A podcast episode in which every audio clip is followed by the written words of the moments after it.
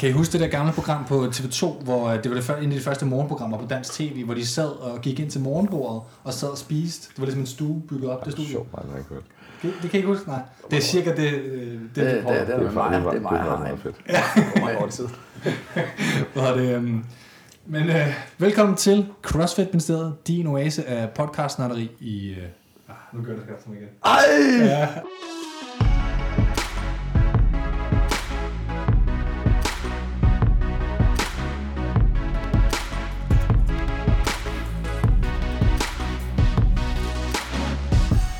Velkommen til CrossFit Ministeriet, din oase af CrossFit-nørderi i podcastform. Jeg er jeres vært, Jonas Bjørneskjold, og med mig har jeg som altid min fantastiske medvært, Thomas Frøsje Larsen. Fire gange regionals teamatlet, no Ja. sanctionals indtil videre. No sanctionals. Ja. Ja.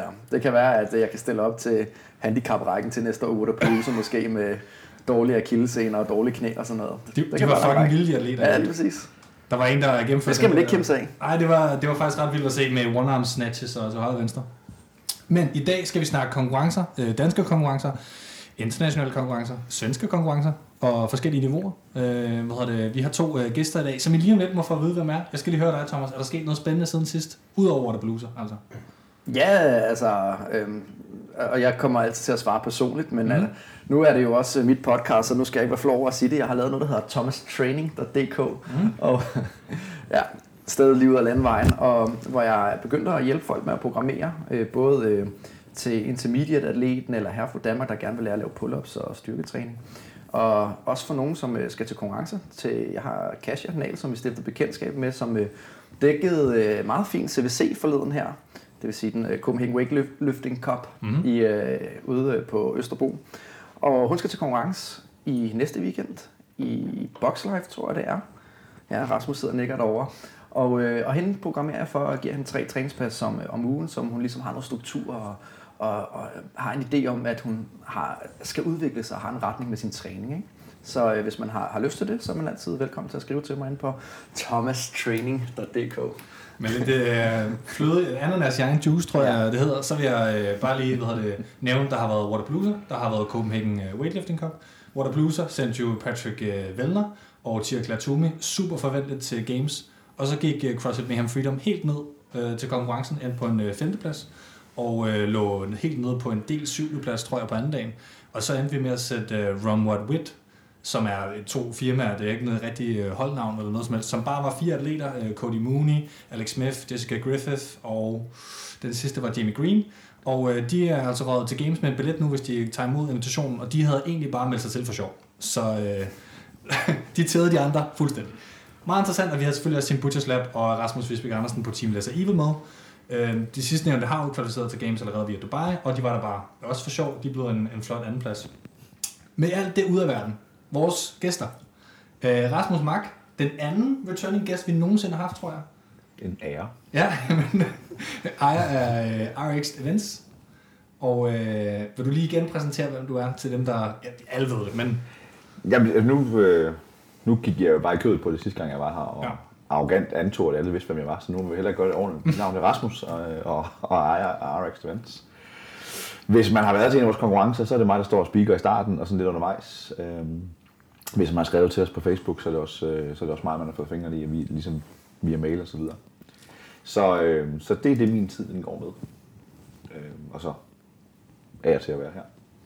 Og man kan sige, det er jo lidt en forestillelse af episode 28, tror jeg, om konkurrenceniveau af Danmark med paneldebatten der, og I er jo ligesom lidt det andet panel, vi har inviteret ind. Så du er her ligesom i, i, i hvad skal man sige, som repræsentant for det danske øh, konkurrencearrangørmiljø, hvor du er en af de helt klart mest aktive, må man sige. I hvert fald, øh, jeg kan i hvert fald give mit besøg med fra, Ja. fra hvad jeg oplever. Og så har vi øh, Mads. Og hvad er det, du ved? Det her, jeg har glemt, hvad til efternavn. Undskyld. Øh, Østergaard. Østergaard, har- yes. Mads Østergaard er mit navn. Øh, Jeg er dansk flygtning i Sverige.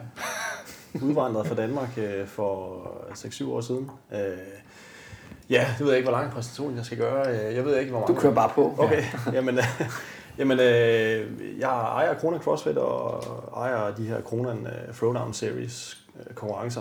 Som det er, simpelthen, arrangerer. det er Malmø, det her, ikke? Ja, det, det er selvfølgelig det er Malmø, øh, Kronan CrossFit i Malmø. Så det er lidt Danmark. På Det er lidt Danmark. Vi plejer at sige, at Skåne tilhører næsten Danmark. Øh, Der er faktisk mange svensker, som gerne vil tilbage, eller gerne vil have dansk øh, suverænitet okay. Skåne. Nå, det er en anden side. af det. er en helt podcast for sig selv, det der.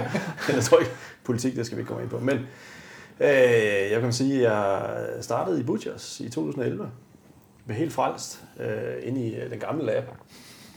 Gik aldrig i bad derinde, men øh, det, var, det, var, det var en af de eneste muligheder, vi havde øh, for at træne CrossFit dengang.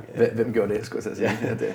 Men, øh, men det var simpelthen dem, der frelste mig, og øh, har trænet lige siden. Nu øh, har jeg ikke sådan de helt store sportslige meritter, men...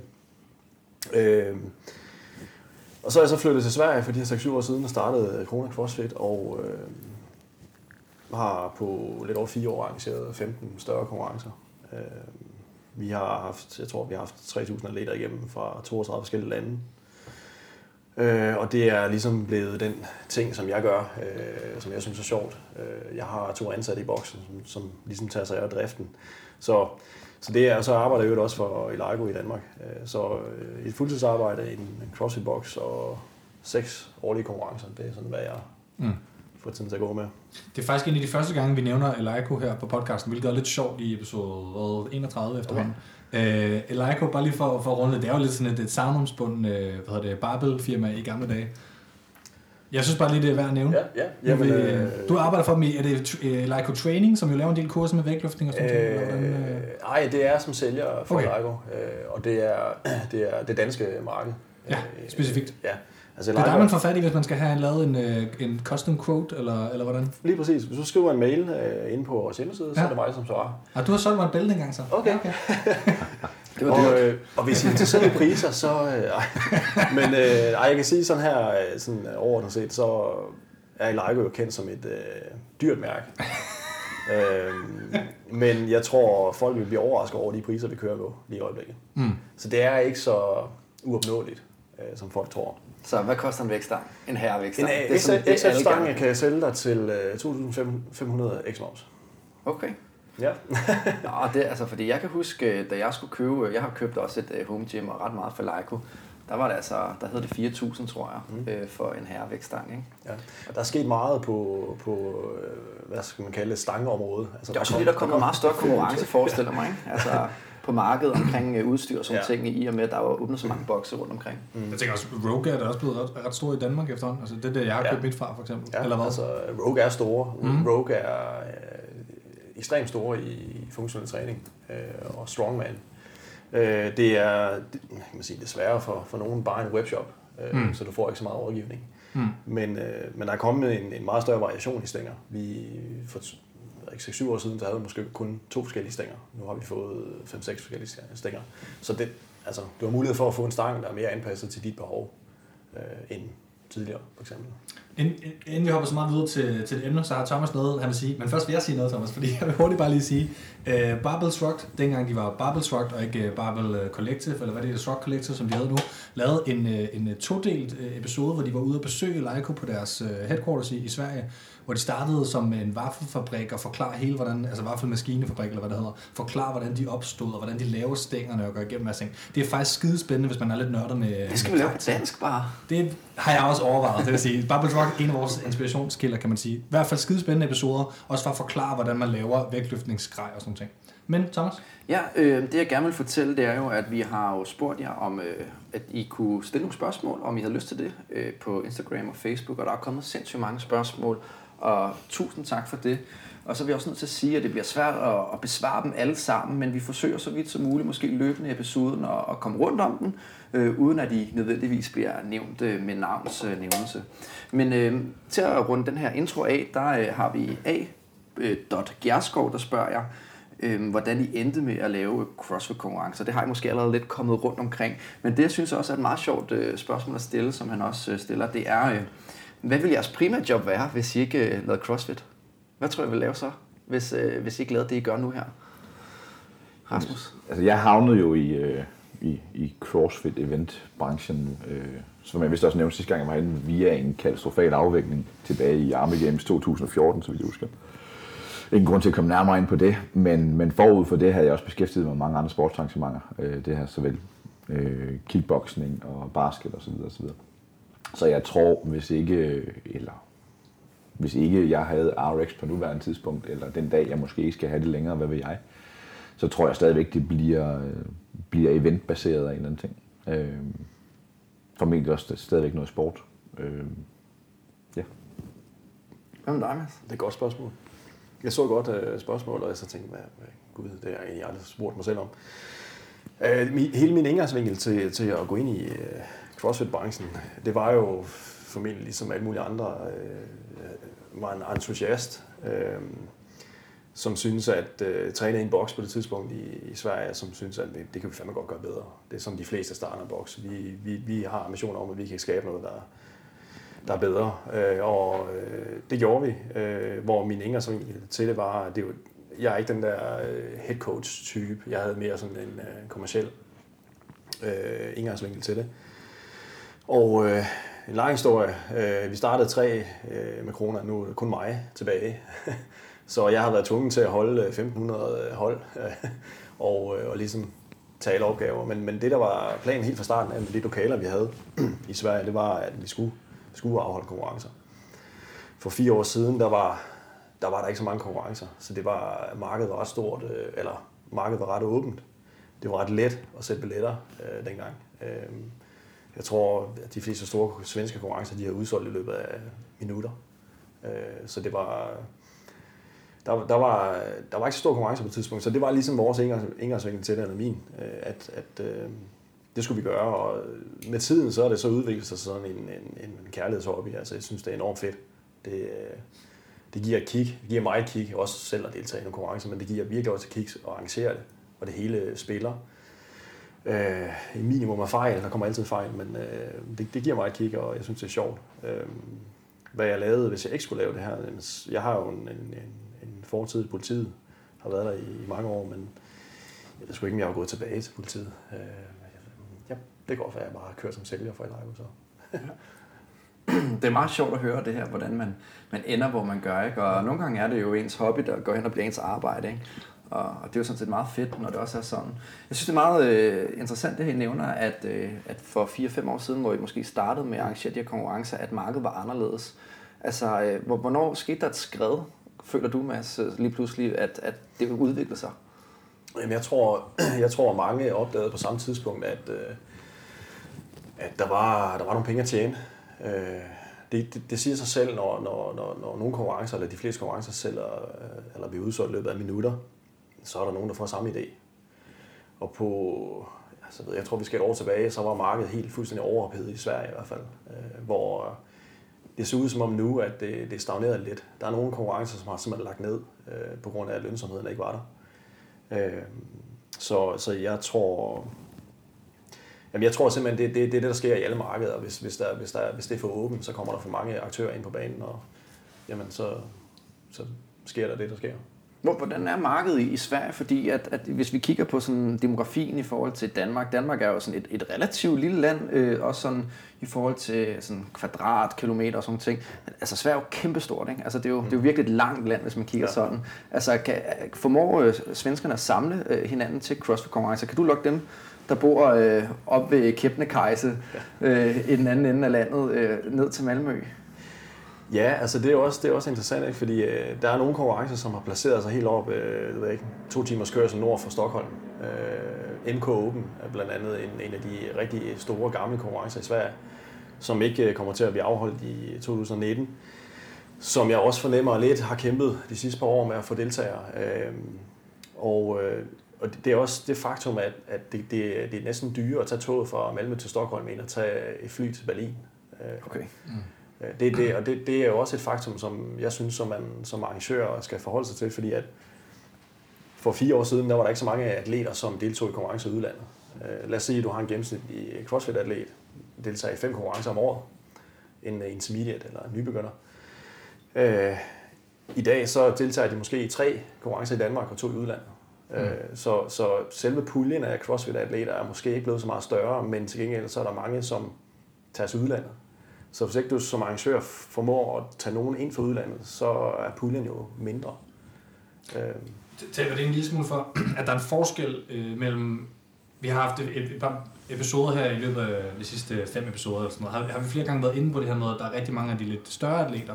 Og når jeg siger større atleter, så mener jeg ikke nødvendigvis regionals atleter, men sådan under det niveau, øh, høje atleter dansk RX-niveau, kan man sige, der, der er rigtig gerne med til udlandet. Hvorimod first timers, scale, intermediate, som meget dit marked også, kan man sige, øh, Rasmus, de er mere tilbøjelige til trods alt at tage lokale konkurrencer. Derfor er det måske også mere lønsomt, som du siger, at, at satse på den demografi frem for det helt høje niveau, fordi det er svært at konkurrere med French Throwdown, og i øvrigt nu 21 sanctionals, altså, mm.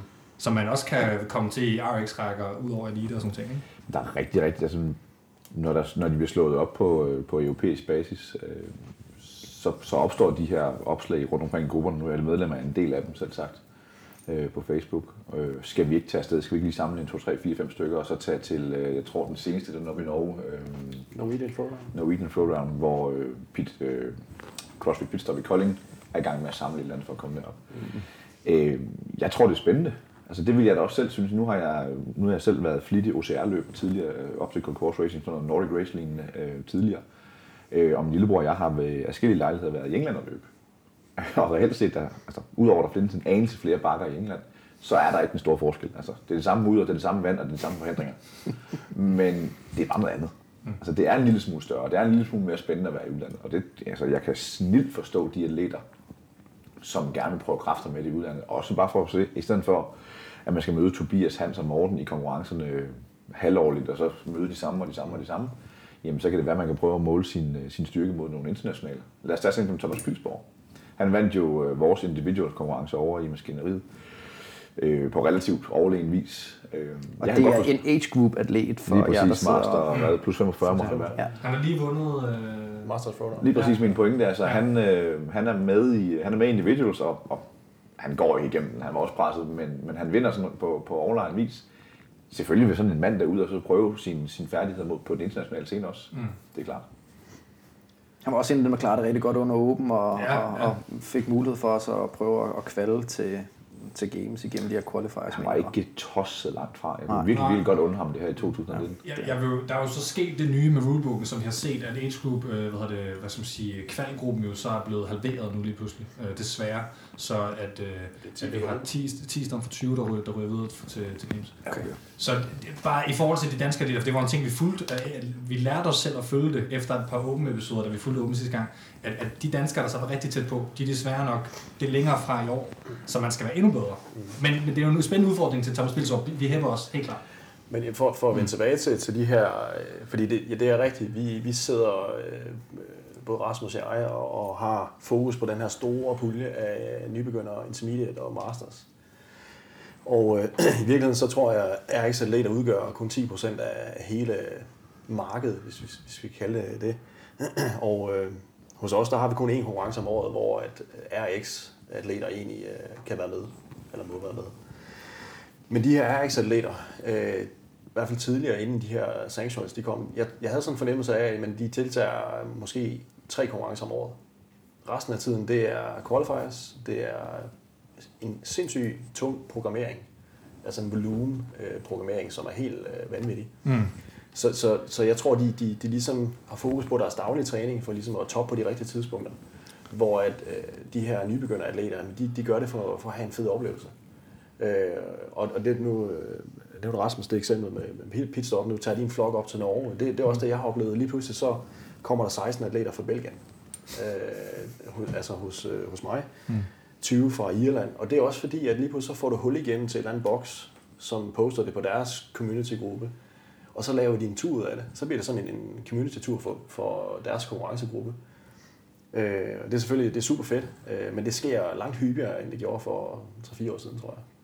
Også igen, fordi det er billigere. Eller, det er billigere. Det, er ikke, det koster ikke så meget, som man øh, måske skulle tro, at tage, tage et fly til, til Amsterdam eller til, til Belgien øh, øh, og bo på hoteller, og så får man en lille bytur af det, og det er bare meget sjovere, stedet Mm. for at tage lidt mere lokalt, tror jeg.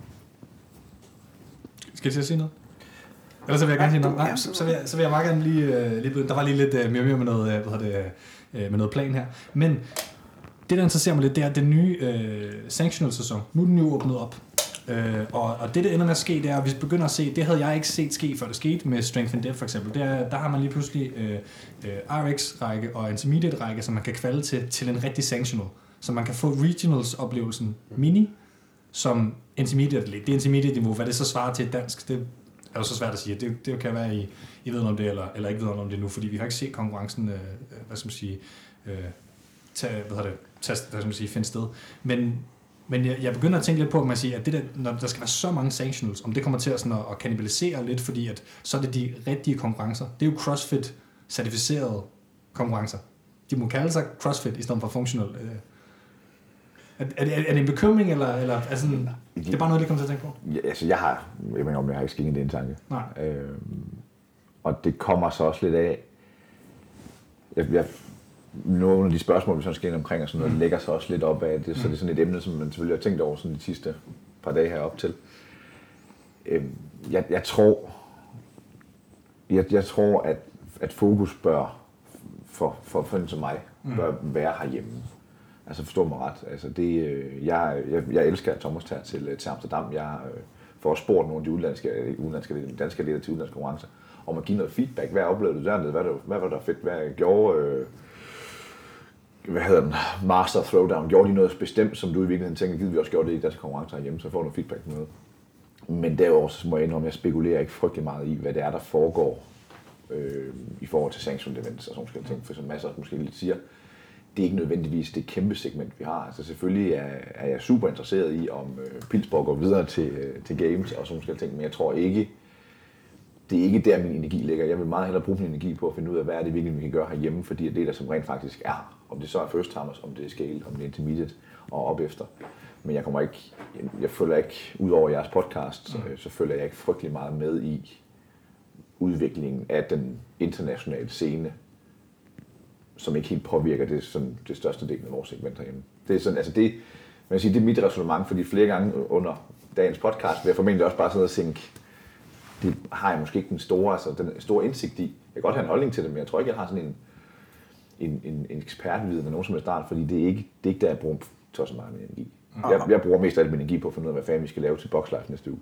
Og det er nok også mere fordi, at, at, at som Mads også nævnte lige før, det er jo kun 10% af de konkurrencer, måske arrangerer, er RX eller elite konkurrencer. Så det er, der er nok en mindre sandsynlighed for, hvis man er first timer, især som du arrangerer meget, Rasmus, mm. at man tænker, at den første konkurrence, jeg tager til, det bliver en med qualifier, og så ned til øh, London, og så bare fyre den af. Ikke? Øhm, og, og der er det måske her, at, at I stadigvæk har muligheden sådan rent... Øh, i hvert fald når I, når I udbyder det, og fange mm. de her first timers, som ønsker at komme i måske deres lokale boks, eller en boks, de kender, som er tæt på? Ja, det er i hvert fald, altså jeg, jeg tænker, at min dygtigste opgave, min bedste opgave vil være, hvis jeg skal, sådan, skal, skal servere det bedste, jeg nu engang kan til, til de mennesker, som, som trods alt lægger nogle penge hos os, det vil være at, at arve så meget af det, som vi kan, om det så er over fra, fra Mads, øh, som gør nogle super fede ting over i, i kronerne, eller om det er i Holland, eller hvor det er hen. Følg med i, hvad der foregår sådan rent på den, på den mere afviklingsmæssige bane, og så inddrage det, vi kan, mere end det er nødvendigvis at, at være ekspert på, øh, hvor mange fra Masters, der går videre til Sanctions, eller så går videre til Games og sådan nogle ting. Fordi mm. det, det er ikke der, jeg, jeg har i hvert fald sådan umiddelbart energi til at lægge del af min tid. Øhm, og det, er også, det ligger også lidt op for jeg spørgsmål. Der var sådan en, der er et spørgsmål, der sådan omtaler en Ben Smith-post omkring sådan noget med spørgsmål om programmering og så videre. Jeg må ind og læse den post, for jeg anede ikke, hvad fanden mm. hvad skal snakke om. Fordi det vidste jeg ikke noget som helst om. Så må jeg ind og læse den og sige, okay, nu giver det mening, nu kan jeg følge med, nu kan jeg også godt snakke mere om emnet, hvis vi når der til. Men på den, den store internationale scene, der, der er jeg ikke ekspert på nogen mm. måde. Er det, er det jeres, øh, selvbilledet, om man skal forklare. Fordi jeg talte en del med, med Rønnow, som, som også er en af sådan, de danske CrossFit-eksperter efterhånden, og venner podcasten og, og alle sådan ting, og følger med. Øh, vi havde en diskussion om, om det her med øh, programmering til konkurrence som en, et håndværk, kan man sige. Og, og hvordan at man før har haft en, en helt CrossFit-sæson, der har været fuldstændig en person, der har bestemt det i sidste ende, det har været Dave Castro.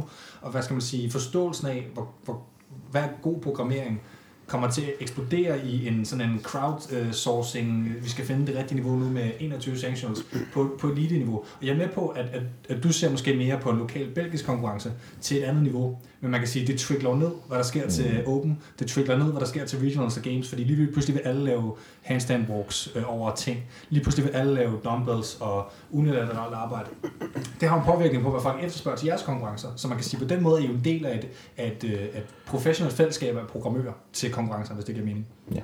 Jamen altså, vi, vi, jeg tror vi begge to, jeg er jo helt enig med Rasmus siger, at det, det er ikke noget, som øh, jeg hverken som øh, person, atlet eller boksejer går så meget op i, men vi følger lidt med i, hvad der foregår. Ikke? Øh, og øh, det, det, det er klart, at vi, vi forsøger også at hænge med i udviklingen. Så hvis vi har en, en konkurrence af lidt højere niveau, så prøver vi også gerne lige at push udviklingen lidt, og der er jo sket sindssygt meget siden øh, CrossFit startede, øh, eller siden det sådan blev kendt i 2010, 12 stykker. Der er sket vanvittigt meget med, med programmering og folks niveau. Så vi prøver jo på at, at lægge os op af det, måske pushe det lidt, og ligesom, altså ikke over stregen, men, men, men øh, vi prøver ligesom at gøre det interessant for folk og, og udfordre folk ikke at teste bredt og sådan ting. Så, så jeg ved ikke, om vi skal, vi skal snakke om programmering på sådan Jamen altså, nu begynder vi stille og roligt at at komme ned også øh, i det, vi skal snakke om lidt senere, også det her med, hvornår er man den ene og anden type atlet, og også det her med lidt, lidt dybere ned i, når I arrangerer konkurrencer, hvordan I programmerer. Og, og med henblik på det, der synes jeg egentlig, Mike øh, CD for Instagram stiller et meget godt spørgsmål. Han, det er et ret langt spørgsmål, men, men jeg læser halvdelen af det op, fordi at, øh, det er det første, jeg synes, der er ret relevant i forhold til det her. Og nu, og nu kommer jeg på engelsk, så nu bliver det spændende. Skal jeg, skal jeg læse Nej. Oh. Many of the CrossFit competitions, especially here in DK, are heavily biased towards raw strength and skills are not as well rewarded. Is this because the location do not have facilities, space for gymnastics, or are there other reasons? Hvad, hvad tænker I om det? Øh, Du må gerne åbne debatten, Mads. Jo, jo men øh, ja. Det Fordi jeg er faktisk lidt enig. Jeg har selv oplevet lidt det samme. Ja, øh, det, det, fordi- er, det er et super godt spørgsmål, og det øh, var vigtigt at, ligesom at komme rundt om. Og jeg kan også sige, at jeg havde en oplevelse til Göteborg Throwdown for fire år siden. Der var ikke noget rig, og der var 300 atleter. Så der var ikke en eneste gymnastisk øvelse. Og folk, folk skrev på Facebook, at det var skide godt programmeret og sådan noget. det var, men, men altså, jeg kan kun tale for, for de fysiske rammer, vi har, øh, hvor at, jamen, vi program, eller jeg programmerer oftest på, på et øh, nybegynder intermediate niveau. Og øh, det handler meget om kondition.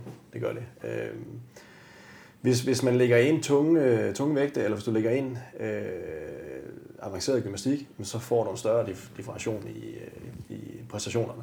Og, og, altså, det, det, det, det bliver mere tæt, hvis det er mere enkelt. Øh, og igen, hvis, hvis du... Vi har også prøvet, jeg jeg hørte også på den sidste podcast, at der var en diskussion omkring, øh, var det 3 rep max back squat, hvor, mm. der, hvor der selvfølgelig, der er jo altid nogen, som er skide dygtige til et eller andet, ikke? Det er jo samme, hvis vi har en 5 km løbning, så er der nogen, der kommer ned på 16-17 minutter, men som ikke kan løfte tungt.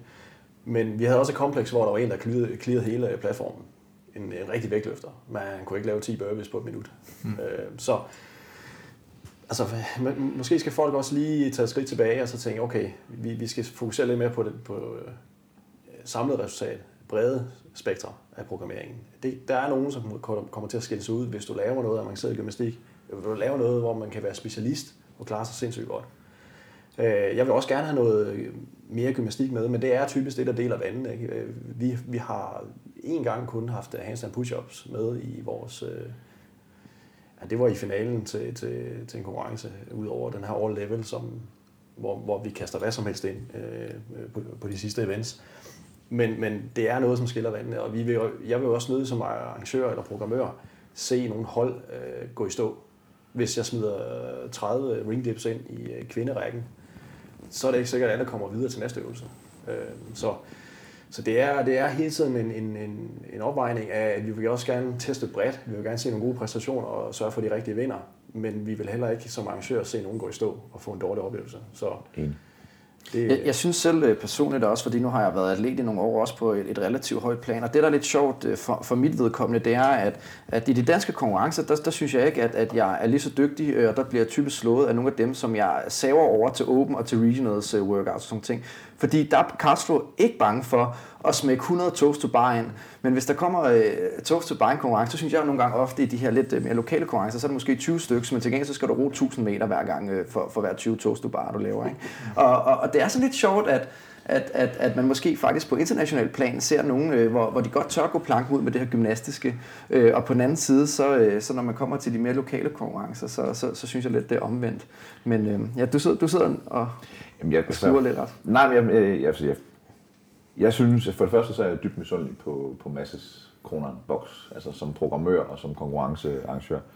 Så det er jo de øh, oplagte rammer at være i, fordi boksen er bygget til at lave konkurrencer. Det, der er charmen ved at være rundt omkring i de her forskellige bokse, som vi er rundt omkring i hele landet, det er jo også de her små ting, som skaber den her boks. Det kan være et mindre pull-up stativ. Det kan være, at de har den perfekte løbebane. Det kan være, at de har syv bakker ude bagved, som man skal tilbagelægge for at komme ind og så øh, svømme over en å, hypotetisk set. Men pointen er, at det er en del af charmen ved at være alle de her forskellige steder. Og det er rigtigt nok, der er konkurrencer, hvor, øh, hvor den gymnastiske del bliver nedtonet på baggrund af fysisk rammer folk og svarer direkte på, på spørgsmål fra Instagram. Lad os bare tage maskineriet for eksempel øh, over i Esbjerg. Øh, det var da vi holdt individuals. Øh, den som Thomas Bilsborg vandt i masterklassen. Der er et, øh, der er et, øh, et, et loftmonteret pull-up stativ, som kan holde, øh, jeg tror det var fire eller fem personer. Med en heatstørrelse på 8, så giver matematikken sig selv, det kan ikke helt komme til at sig gøre. Men mindre at vi forlænger konkurrencen med flere timer, fordi vi bliver nødt til at skære heatstørrelsen ned. Så der er selvfølgelig nogle begrænsninger. Og, øh, en, anden, øh, en anden boks kunne for eksempel ikke have nogen romaskiner. Så, så ryger der et, et relativt brugt øh, cardio-element ud af den konkurrence. Hvad, hvad er det for gym? Det vil jeg gerne øh, høre, hvis jeg skal med til konkurrence. De laver ikke uh, action ah, Nej, men, men pointen er, at, Tusind medlemmer. at de lokale konkurrencer, som vi snakker om, som, som jeg i hvert fald har haft noget med, eller har noget med at gøre, de er selvfølgelig ofte præget af de lokale øh, både fordele og ulemper, der nogle gange er. Øh, altså spørger du, spurgte du øh, boksejeren i øh, Delta Kilo ude i Rødovre, øh, et halvt år før vi lavede konkurrencer derude, om det kunne lade sig gøre at lave en stor konkurrence, så havde, var han formentlig en lille smule skeptisk. Men alligevel så får vi smækket, smækket et rimelig godt koncept op i en, en, øh, på et konkurrencegulv, der ikke er særlig stort. Men det fungerer virkelig, virkelig godt, og stemningen var ved at eksplodere lokalet. Det var, det var virkelig, virkelig fedt. Men selvfølgelig havde det sin begrænsning. Så direkte svar på spørgsmålet, så ja. Øh, vi bliver nødt til at programmere med de rammer, vi nu engang har. Jeg, jeg, vil lige indskyde, at man kan sige, at programmeringen til det lokale dansk, jeg er helt enig med, med, med fremstillinger, det er jo det, det mulige kunst, kan man sige. Castro har nogle andre vilkår, hvor han øh, til, til lejligheden kan få produceret nogle, øh, nogle dukker med de rigtige uniformer øh, til at lave øh, en, øh, en forhandlingsbane inspireret af United States Marine Corps. Øh, det er ikke lige alle, der har mulighed for det. De dukker var fucking dyre i øvrigt. Øh, jeg forstår ikke, hvorfor Greg Glassman ikke har snakket om det i forhold til de der pengeting. Men øh, det, det er interessant, fordi at han har mulighed for at programmere Øh, ikke ud fra, hvad er det mulige, men hvordan kan vi absolut bedst teste og provokere fejl hos de bedste atleter i verden. Det er en helt anden sådan øh, boldgade. Man kan måske så snarere, man skal ikke sammenligne med regionals, man skal ikke sammenligne med games. Man kan sammenligne med open måske. Øh, og, og en ting fra Open, der er interessant i forhold til at programmere til mange niveauer samtidig, er, at der bruger man i en meget mindre grad, det er begyndt at blive mere, for time workouts, men der bruger man AMRAP workouts med en, en, en scalable, scalability indeni, fordi at man øger vægten, hvis man kan nå til den, man øger antallet af reps, hvis man kan nå til det og sådan nogle ting. Øh, det, det er måske nogle ting, som man, man, øh, man kan bruge øh, i højere grad. Ja.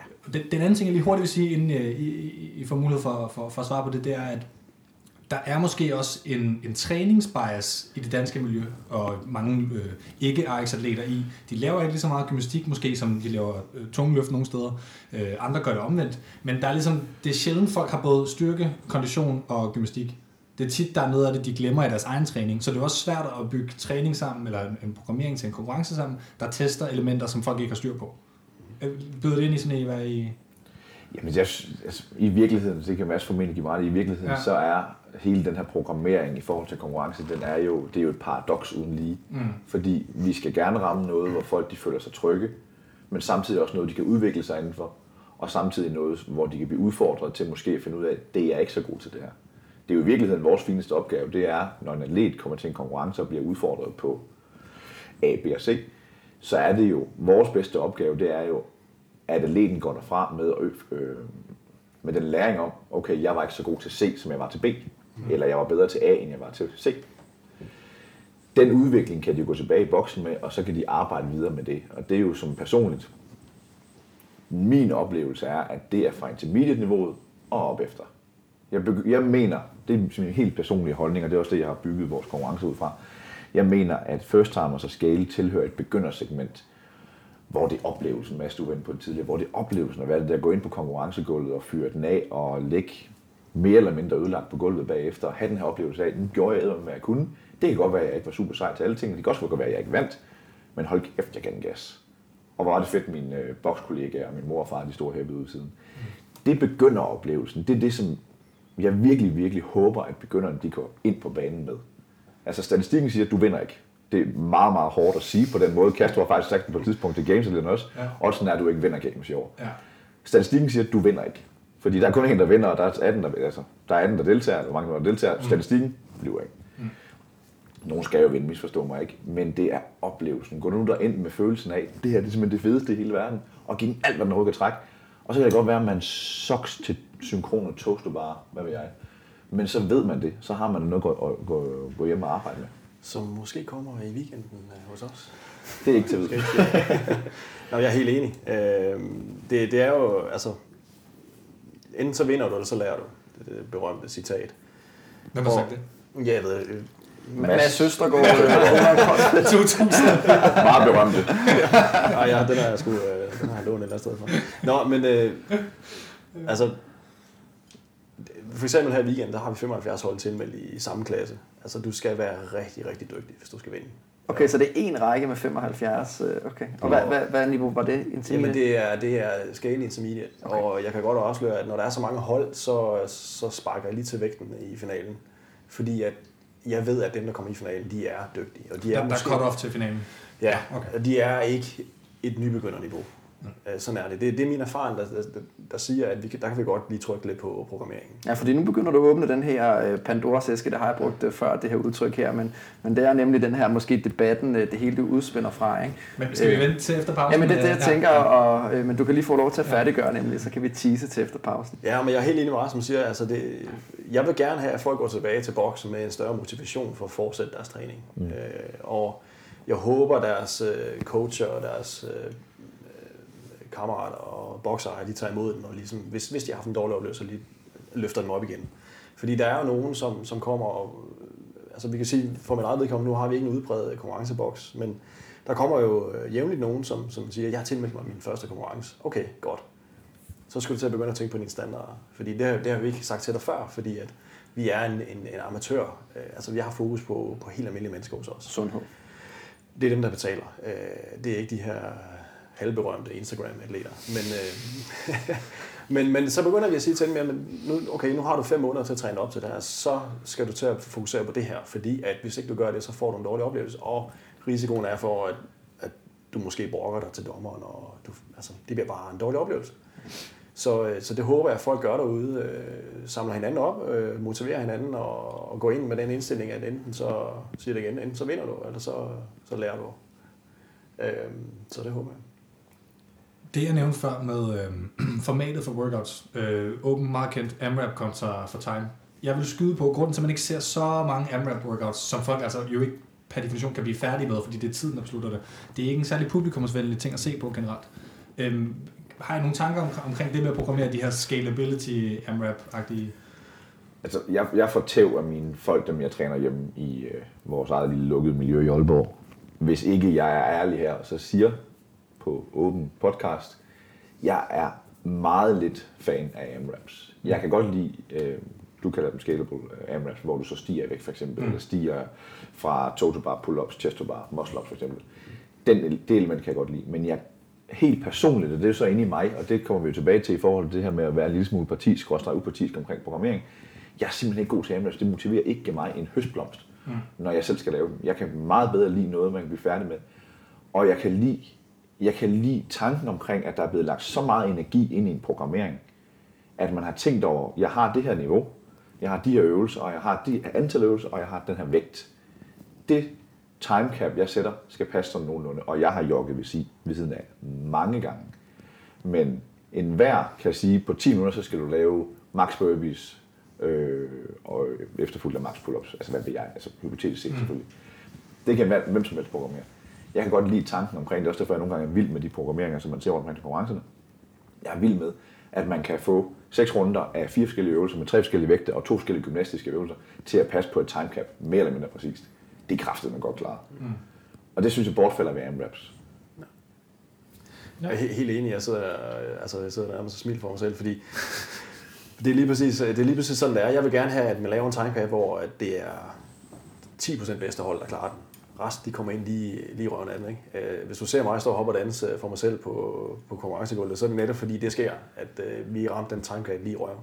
Nu, jeg tester jo næsten selv alle workouts, nu med mit beskedende niveau, så rammer jeg jo ikke altid timecapen, men, men altså, men øh, det, det er det fedeste, det er helt klart det fedeste, at hvis, hvis vi laver de her øh, seks runder på tid, og vi rammer timecapen, så, så er det fedt.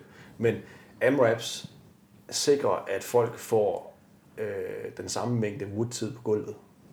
Øh, og det betyder også noget for nogen, at de har betalt, øh, nu snakker vi svenske kroner, 1500 for en, en teamkonkurrence, og så får de, vi, vi prioriterer gerne wood-tiden, de skal have en mængde minutter på, på, på gulvet, for at øh, vi synes, at de har fået, i hvert fald så har de fået et godt produkt.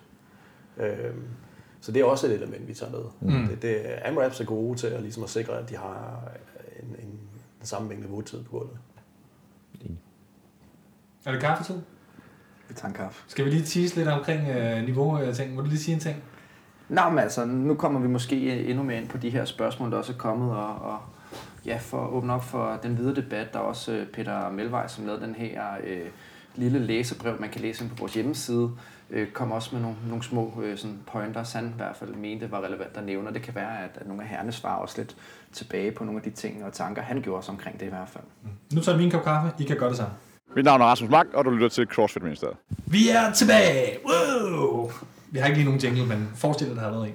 Vi er tilbage øh, med værter og gæster om øh, konkurrencer og øh, hvad skal man sige, det hele den her paneldebat, vi fortsætter med nu. Det er øh, øh, niveautingene, det er øh, 3AM back squat gate, vi lige skal lidt ind over igen her. det bliver vi nødt til, Rasmus. Ja, men det er fair. Men øh, jeg tænker også lige før, at øh, vi, vi åbner den debat, så er det vigtigt at nævne, at øh, man kan følge os på øh, hvad hedder det, sociale medier selvfølgelig, hvis I ikke følger os der i forvejen. Sørg for at gøre det. I må rigtig gerne stadigvæk øh, anmelde os. Det er altså et stykke tid siden, vi har fået nogle anmeldelser, og jeg ved, vi er vokset lidt siden. Så kom nu ind og få givet os en anmeldelse inde på jeres øh, podcast-app. Det er altså noget, der, der rykker for os. Og sidst men ikke mindst, så øh, har vi øh, det, der hedder tier.dk. Og øh, der kan man gå ind på tier.dk simpelthen, altså med 1, 0 mm. og så er.dk. Eller link i vores Instagram. Eller, ja. Og, og tilmelde sig, øh, så man ligesom øh, støtter op på podcast, og det kan være alt fra en krone til 20 kroner på, per podcast. Og øh, jeg tror allerede, vi har en 7-8 stykker, der har tilmeldt sig. Og, øh, og jeg tror, vi har takket dem før, men vi takker jer en gang til, fordi at, øh, der er ikke lang tid til, vi skal over til Aarhus og, og lave podcast også. Øhm, og, og nogle af de penge, som vi så får fra jer, der støtter os på tier, de går altså til en, øh, en hotdog og en kaffe, så vi ikke falder søvn i bilen på vej derhen. og, og bruge penge sammen. og bruge penge, jeg vil, lige først og fremmest. jeg vil lige for god ordens skyld faktisk lige øh, fordi, øh, fornemme de her, øh, de her mennesker, der støtter os. Øh, så tak til Morten Olsen. Jeg ved ikke, om det er dig med den der sang med øh, Wings of Love, eller hvad fanden den hedder. Men øh, vi har kun e-mailsene, så hvis, vi, vi ved ikke, hvem alle sammen er. Bare lige så jeg ved det. Så er det en Cav 2605. Du er en body. Og en øh, Line Lasmand, der kender vi fra kommentarsporet. Øh, Lars Nielsen, som vi jo kender, øh, som var nede og hvad hedder det, med til at lave regionals for eksempel, øh, som, som frivillig leder, øh, både games og, øh, og regionals. Øh, Markus Stolze, en tidligere vinder af Viking konkurrence, også øh, flittig lytter. Rune Bjerre, øh, som jeg mener, jeg kender fra Bazaren. Og øh, Svane Broen, også en øh, fast øh, lytter. Tak for øh, jeres støtte, ligegyldigt hvor meget så i øvrigt støtter med. Og så kan vi komme videre med Ja, så kan vi komme videre til det, det drejer sig om. Yes. Og øh, siden sidst, der har vi også fået et, øh, et læserbrev, som er blevet smidt op øh, på, på nettet og på vores hjemmeside. Og det er fra Peter Melvej, som øh, er øh, ejer af CrossFit Holstebro.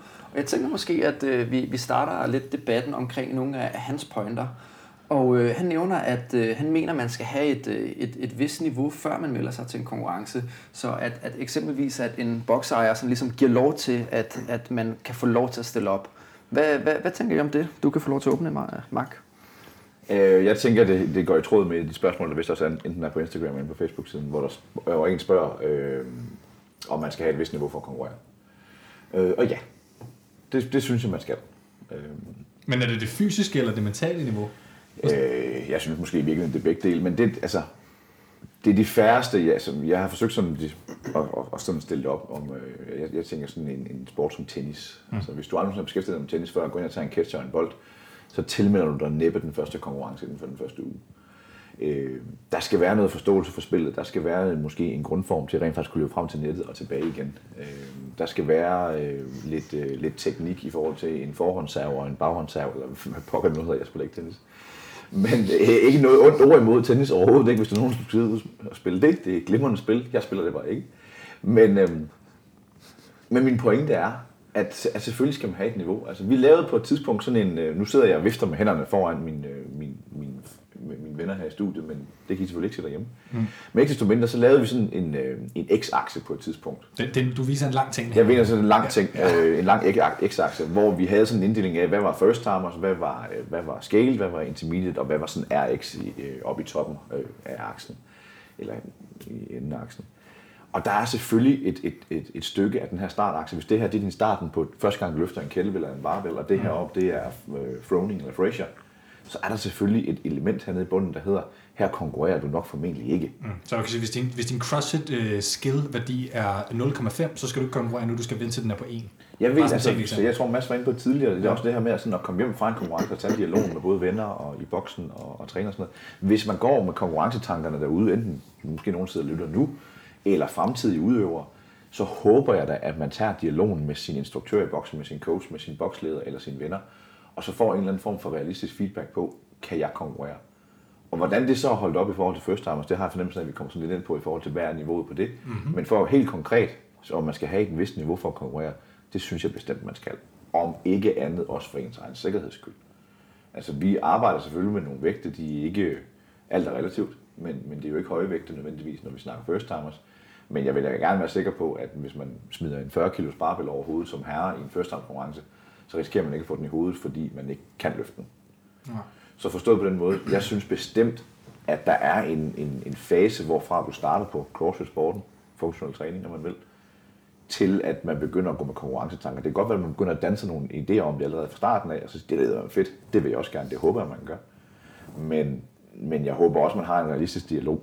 Hvis, altså hvis, de, hvis din squat stinker, øh, og, og du ikke ved, hvilken side af, eller hvilken ende af kældebællen øh, håndtaget sidder, så håber jeg da, at der lige er en læringsperiode i boksen, og en dialog med nogle erfarne, inden du begynder at melde til en konkurrence. Mm. Så ja, jeg mener, der skal være et vist nu. Mm. Mm. Jeg er helt enig.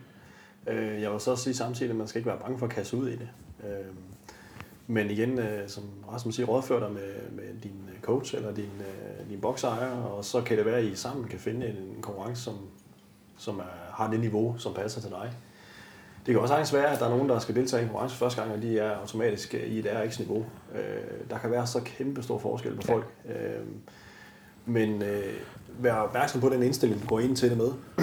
det er igen det her, men det kan sagtens være, at du starter på din CrossFit konkurrencekarriere helt i bunden af first timers. Det betyder ikke, at du ikke udvikler, men, men du skal gerne gå derfra med den indstilling, at du skal bruge det motiverende fremad til din træning.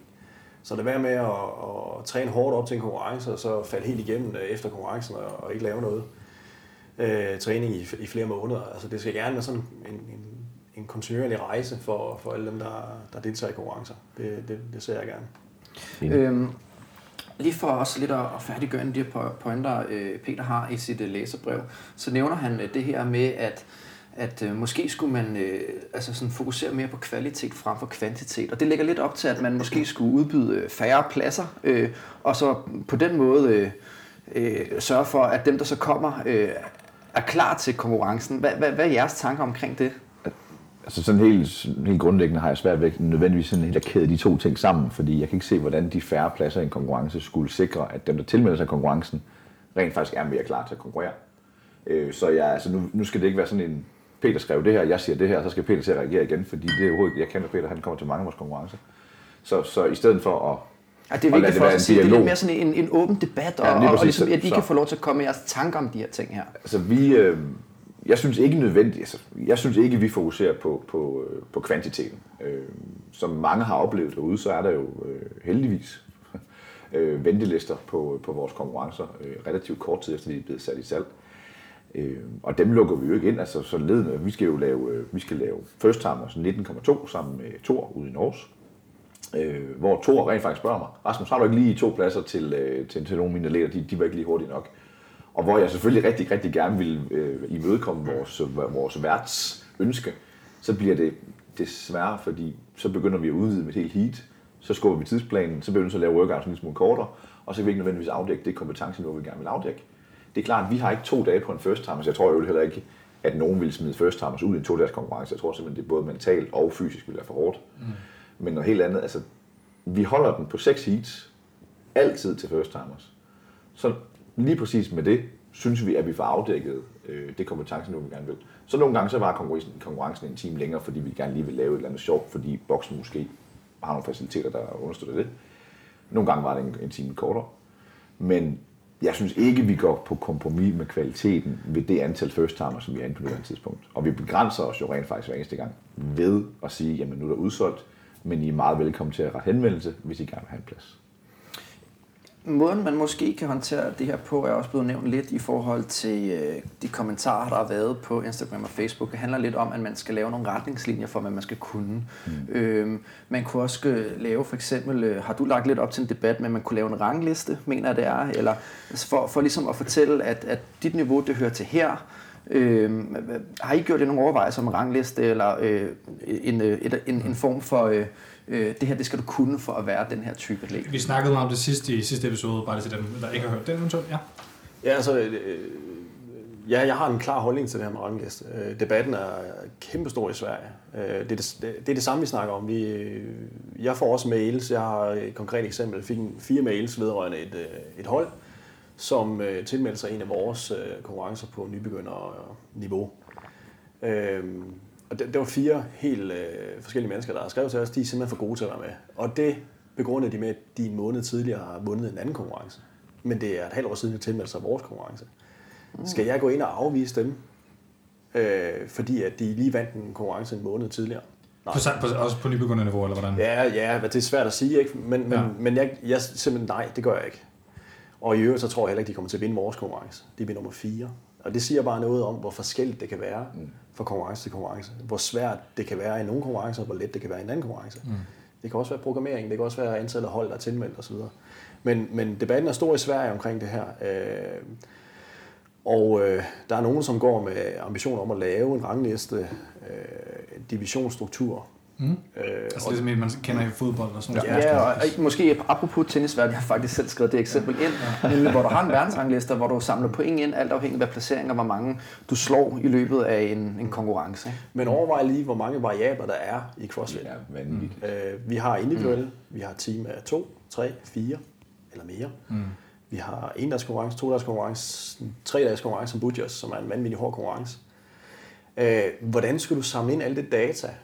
Øh, i et, et Excel-ark, og så udregne en, en ranglisteordning. Øh, fordi at, og i øvrigt så, så igen, det, det er også den øh, atlet, som har været god tidligere, som, øh, som øh, har holdt en pause, eller måske gerne vil ind igen og konkurrere. ja, altså, jeg, jeg er vidderligt i, i den kategori ja, efterhånden. Og, og, altså, og det, det, og hvis I'm on the way down, ja, bitches. det er også. Hvis man kigger på min åben profil, uh, CrossFit åben profil, så står der en franchise på 2.37, og jeg, jeg kommer aldrig under 4 minutter i dag. Øh, skal jeg ikke have lov til at træde ind i intermediate, øh, hvis jeg gerne vil prøve at deltage i en konkurrence igen?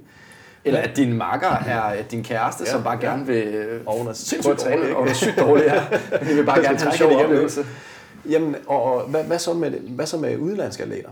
Øh, jeg vil lykke at sige stor kado til Rasmus, som, som gør noget af det, som jeg synes er det rigtige at gøre. Det er at kontakte øh, boksejeren, eller instruktøren, eller coachen øh, til, til de her first timer. Det synes, det er en rigtig god løsning. Jeg vil ønske, jeg havde tid til det. Jeg vil ønske, at jeg havde mulighed for det. Men øh, til vores konkurrence, der er vi oppe i næsten 50 procent, der kommer fra udlandet, nu, altså, som ikke har svensk statsborgerskab. Mm. Øh, jeg kan, jeg kan ikke se, hvordan jeg skal kunne ringe til en, eller skrive til en boks i Belgien og spørge, om Jean-Claude han har det her øh, niveau øh, til den her konkurrence. Hvis han hedder Van Damme til så ved du. så, så, så, får han ikke, så skal han op i RX. Men, men, men det, der, er så mange, der er så mange faktorer i det her, som gør, at et, det praktiske er rigtig svært. Øh, desuden øh, så findes der jo et hav af forskellige scoresystemer. Øh, Rasmus bruger Competition Corner, som er måske det mest brugte i dag. Jeg bruger et helt andet system.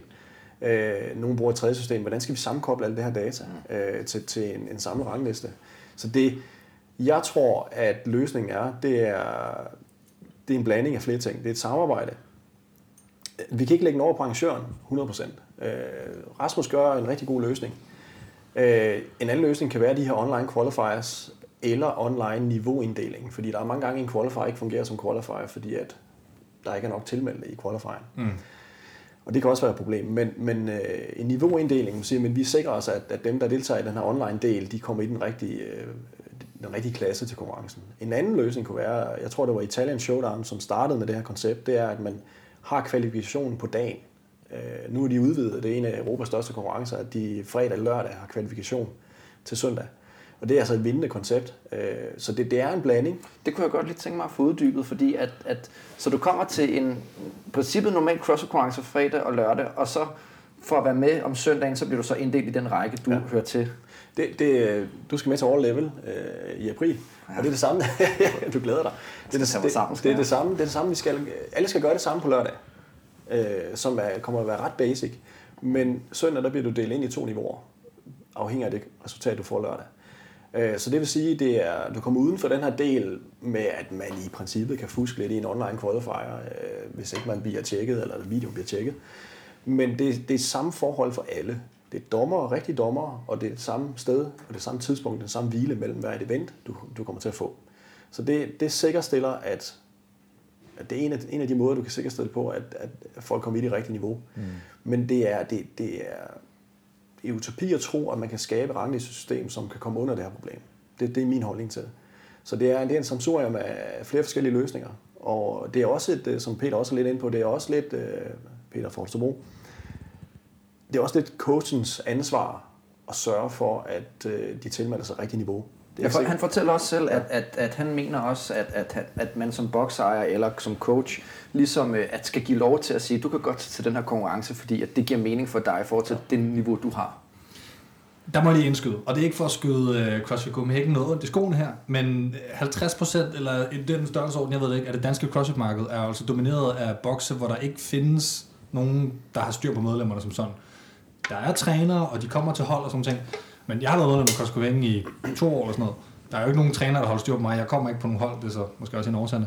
Men, men hvad skal man sige, den her boksejerfunktion findes jo altså ikke nødvendigvis alle steder. Jeg ved godt, det er normen, og mere i Sverige end i Danmark, vil jeg formode.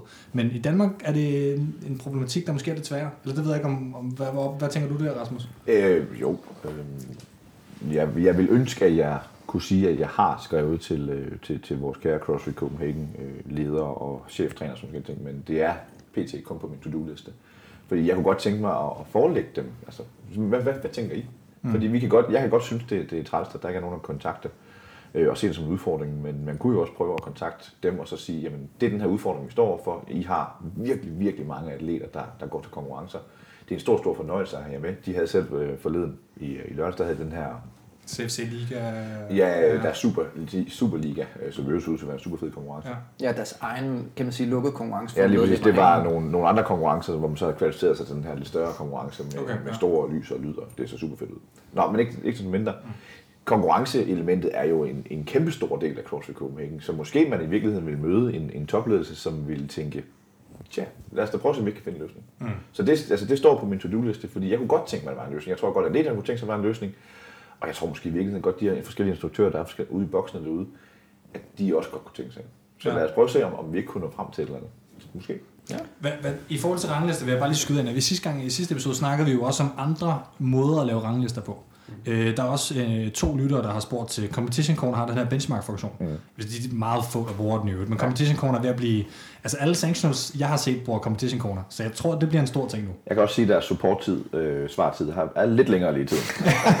Jamen, jeg tænker, det, altså, der har jo, øh, Competition Corner er jo, er jo en ting, jeg har set fra danske konkurrencer. Lige pludselig så er den alle steder. Nu det er ikke, fordi jeg siger, at der ikke er sikkert andre øh, konkurrerende ting på området. Men jo, jo mere du får en dominerende platform, hvis alle bruger CrossFit Games åben platform til at melde sig til alle konkurrencer nogensinde i hele verden, så vil der jo være meget mere data, og så vil alle putte deres benchmark-tider ind, osv.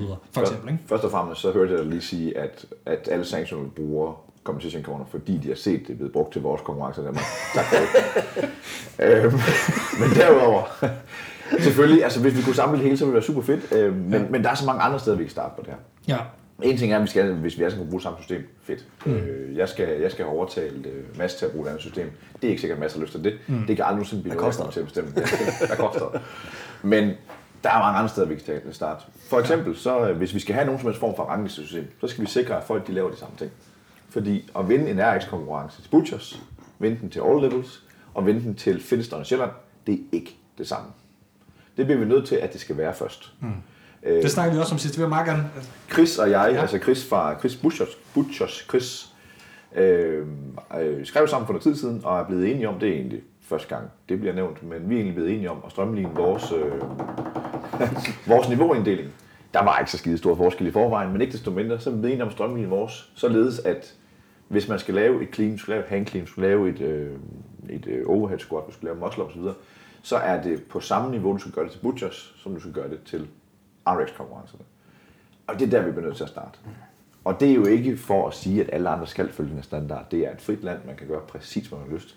Men hvor ville det dog være lækkert, hvis man kunne komme derhen til. Mm. Hvis man kunne komme hen til, at hvis folk kan lave et overhead squat og har lavet det, altså hvis jeg tilmelder mig en intermediate konkurrence i Hanstholm, og en i Majbo, jamen så ved jeg, at jeg ved ikke, om der er konkurrencer i Hanstholm og Majbo. Det kan der komme. Det kan der komme. det er fedt. Men ikke desto mindre, så ved jeg, at hvis jeg er tilmelder en intermediate, jamen så kan jeg komme ud for de her forskellige ting. Der er måske muscle på programmet, men jeg ved også, at det ikke bliver gennemprøvet i første workout med 55 muscle for time.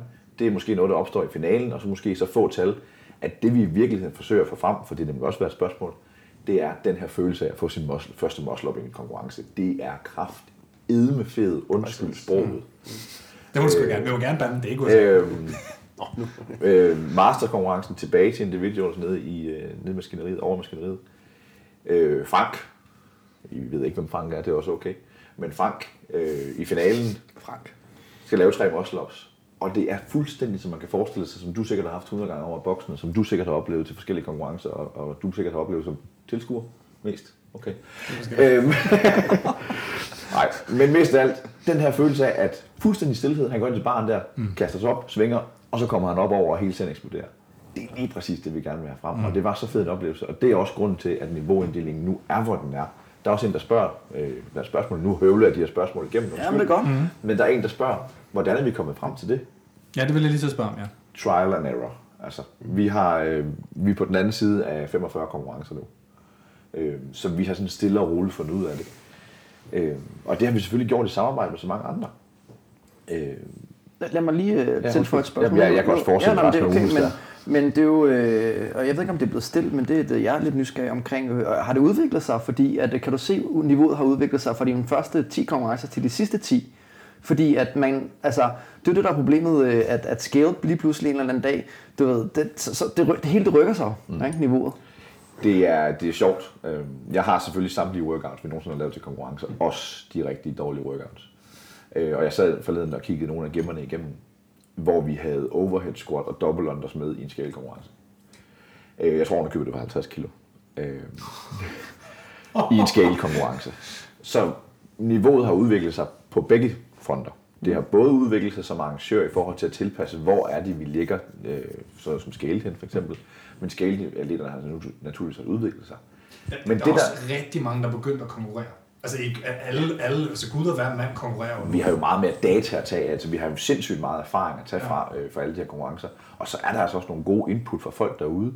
Øh, I midt sommer sidste år, der ændrede vi, øh, ændrede vi nogle af øvelserne på intermediate til, hvor det før for eksempel muscle ups og øh, pistols var kun en del af RX-niveauet før, nu det, eller RX-niveauet før, nu er det så også blevet en del af intermediate-niveauet i begrænset antal, som vi kalder det inde på vores oversigt. Og det, altså, jeg, jeg ville da gerne sætte sig kreditten for det, for jeg synes i virkeligheden, det er en skide god ting, at det er blevet ændret. Mm. Men det var ikke mit forslag. Det var et forslag, som kom fra nogen i miljøet, fordi sådan nogle øvelser er skide sjove at lave. Der er jo, altså, der er jo folk på begynderniveau, first timer, som forsøger at få deres første muscle op, fordi det er skide skægt. Det er en succesfølelse uden lige at få den her første muscle op.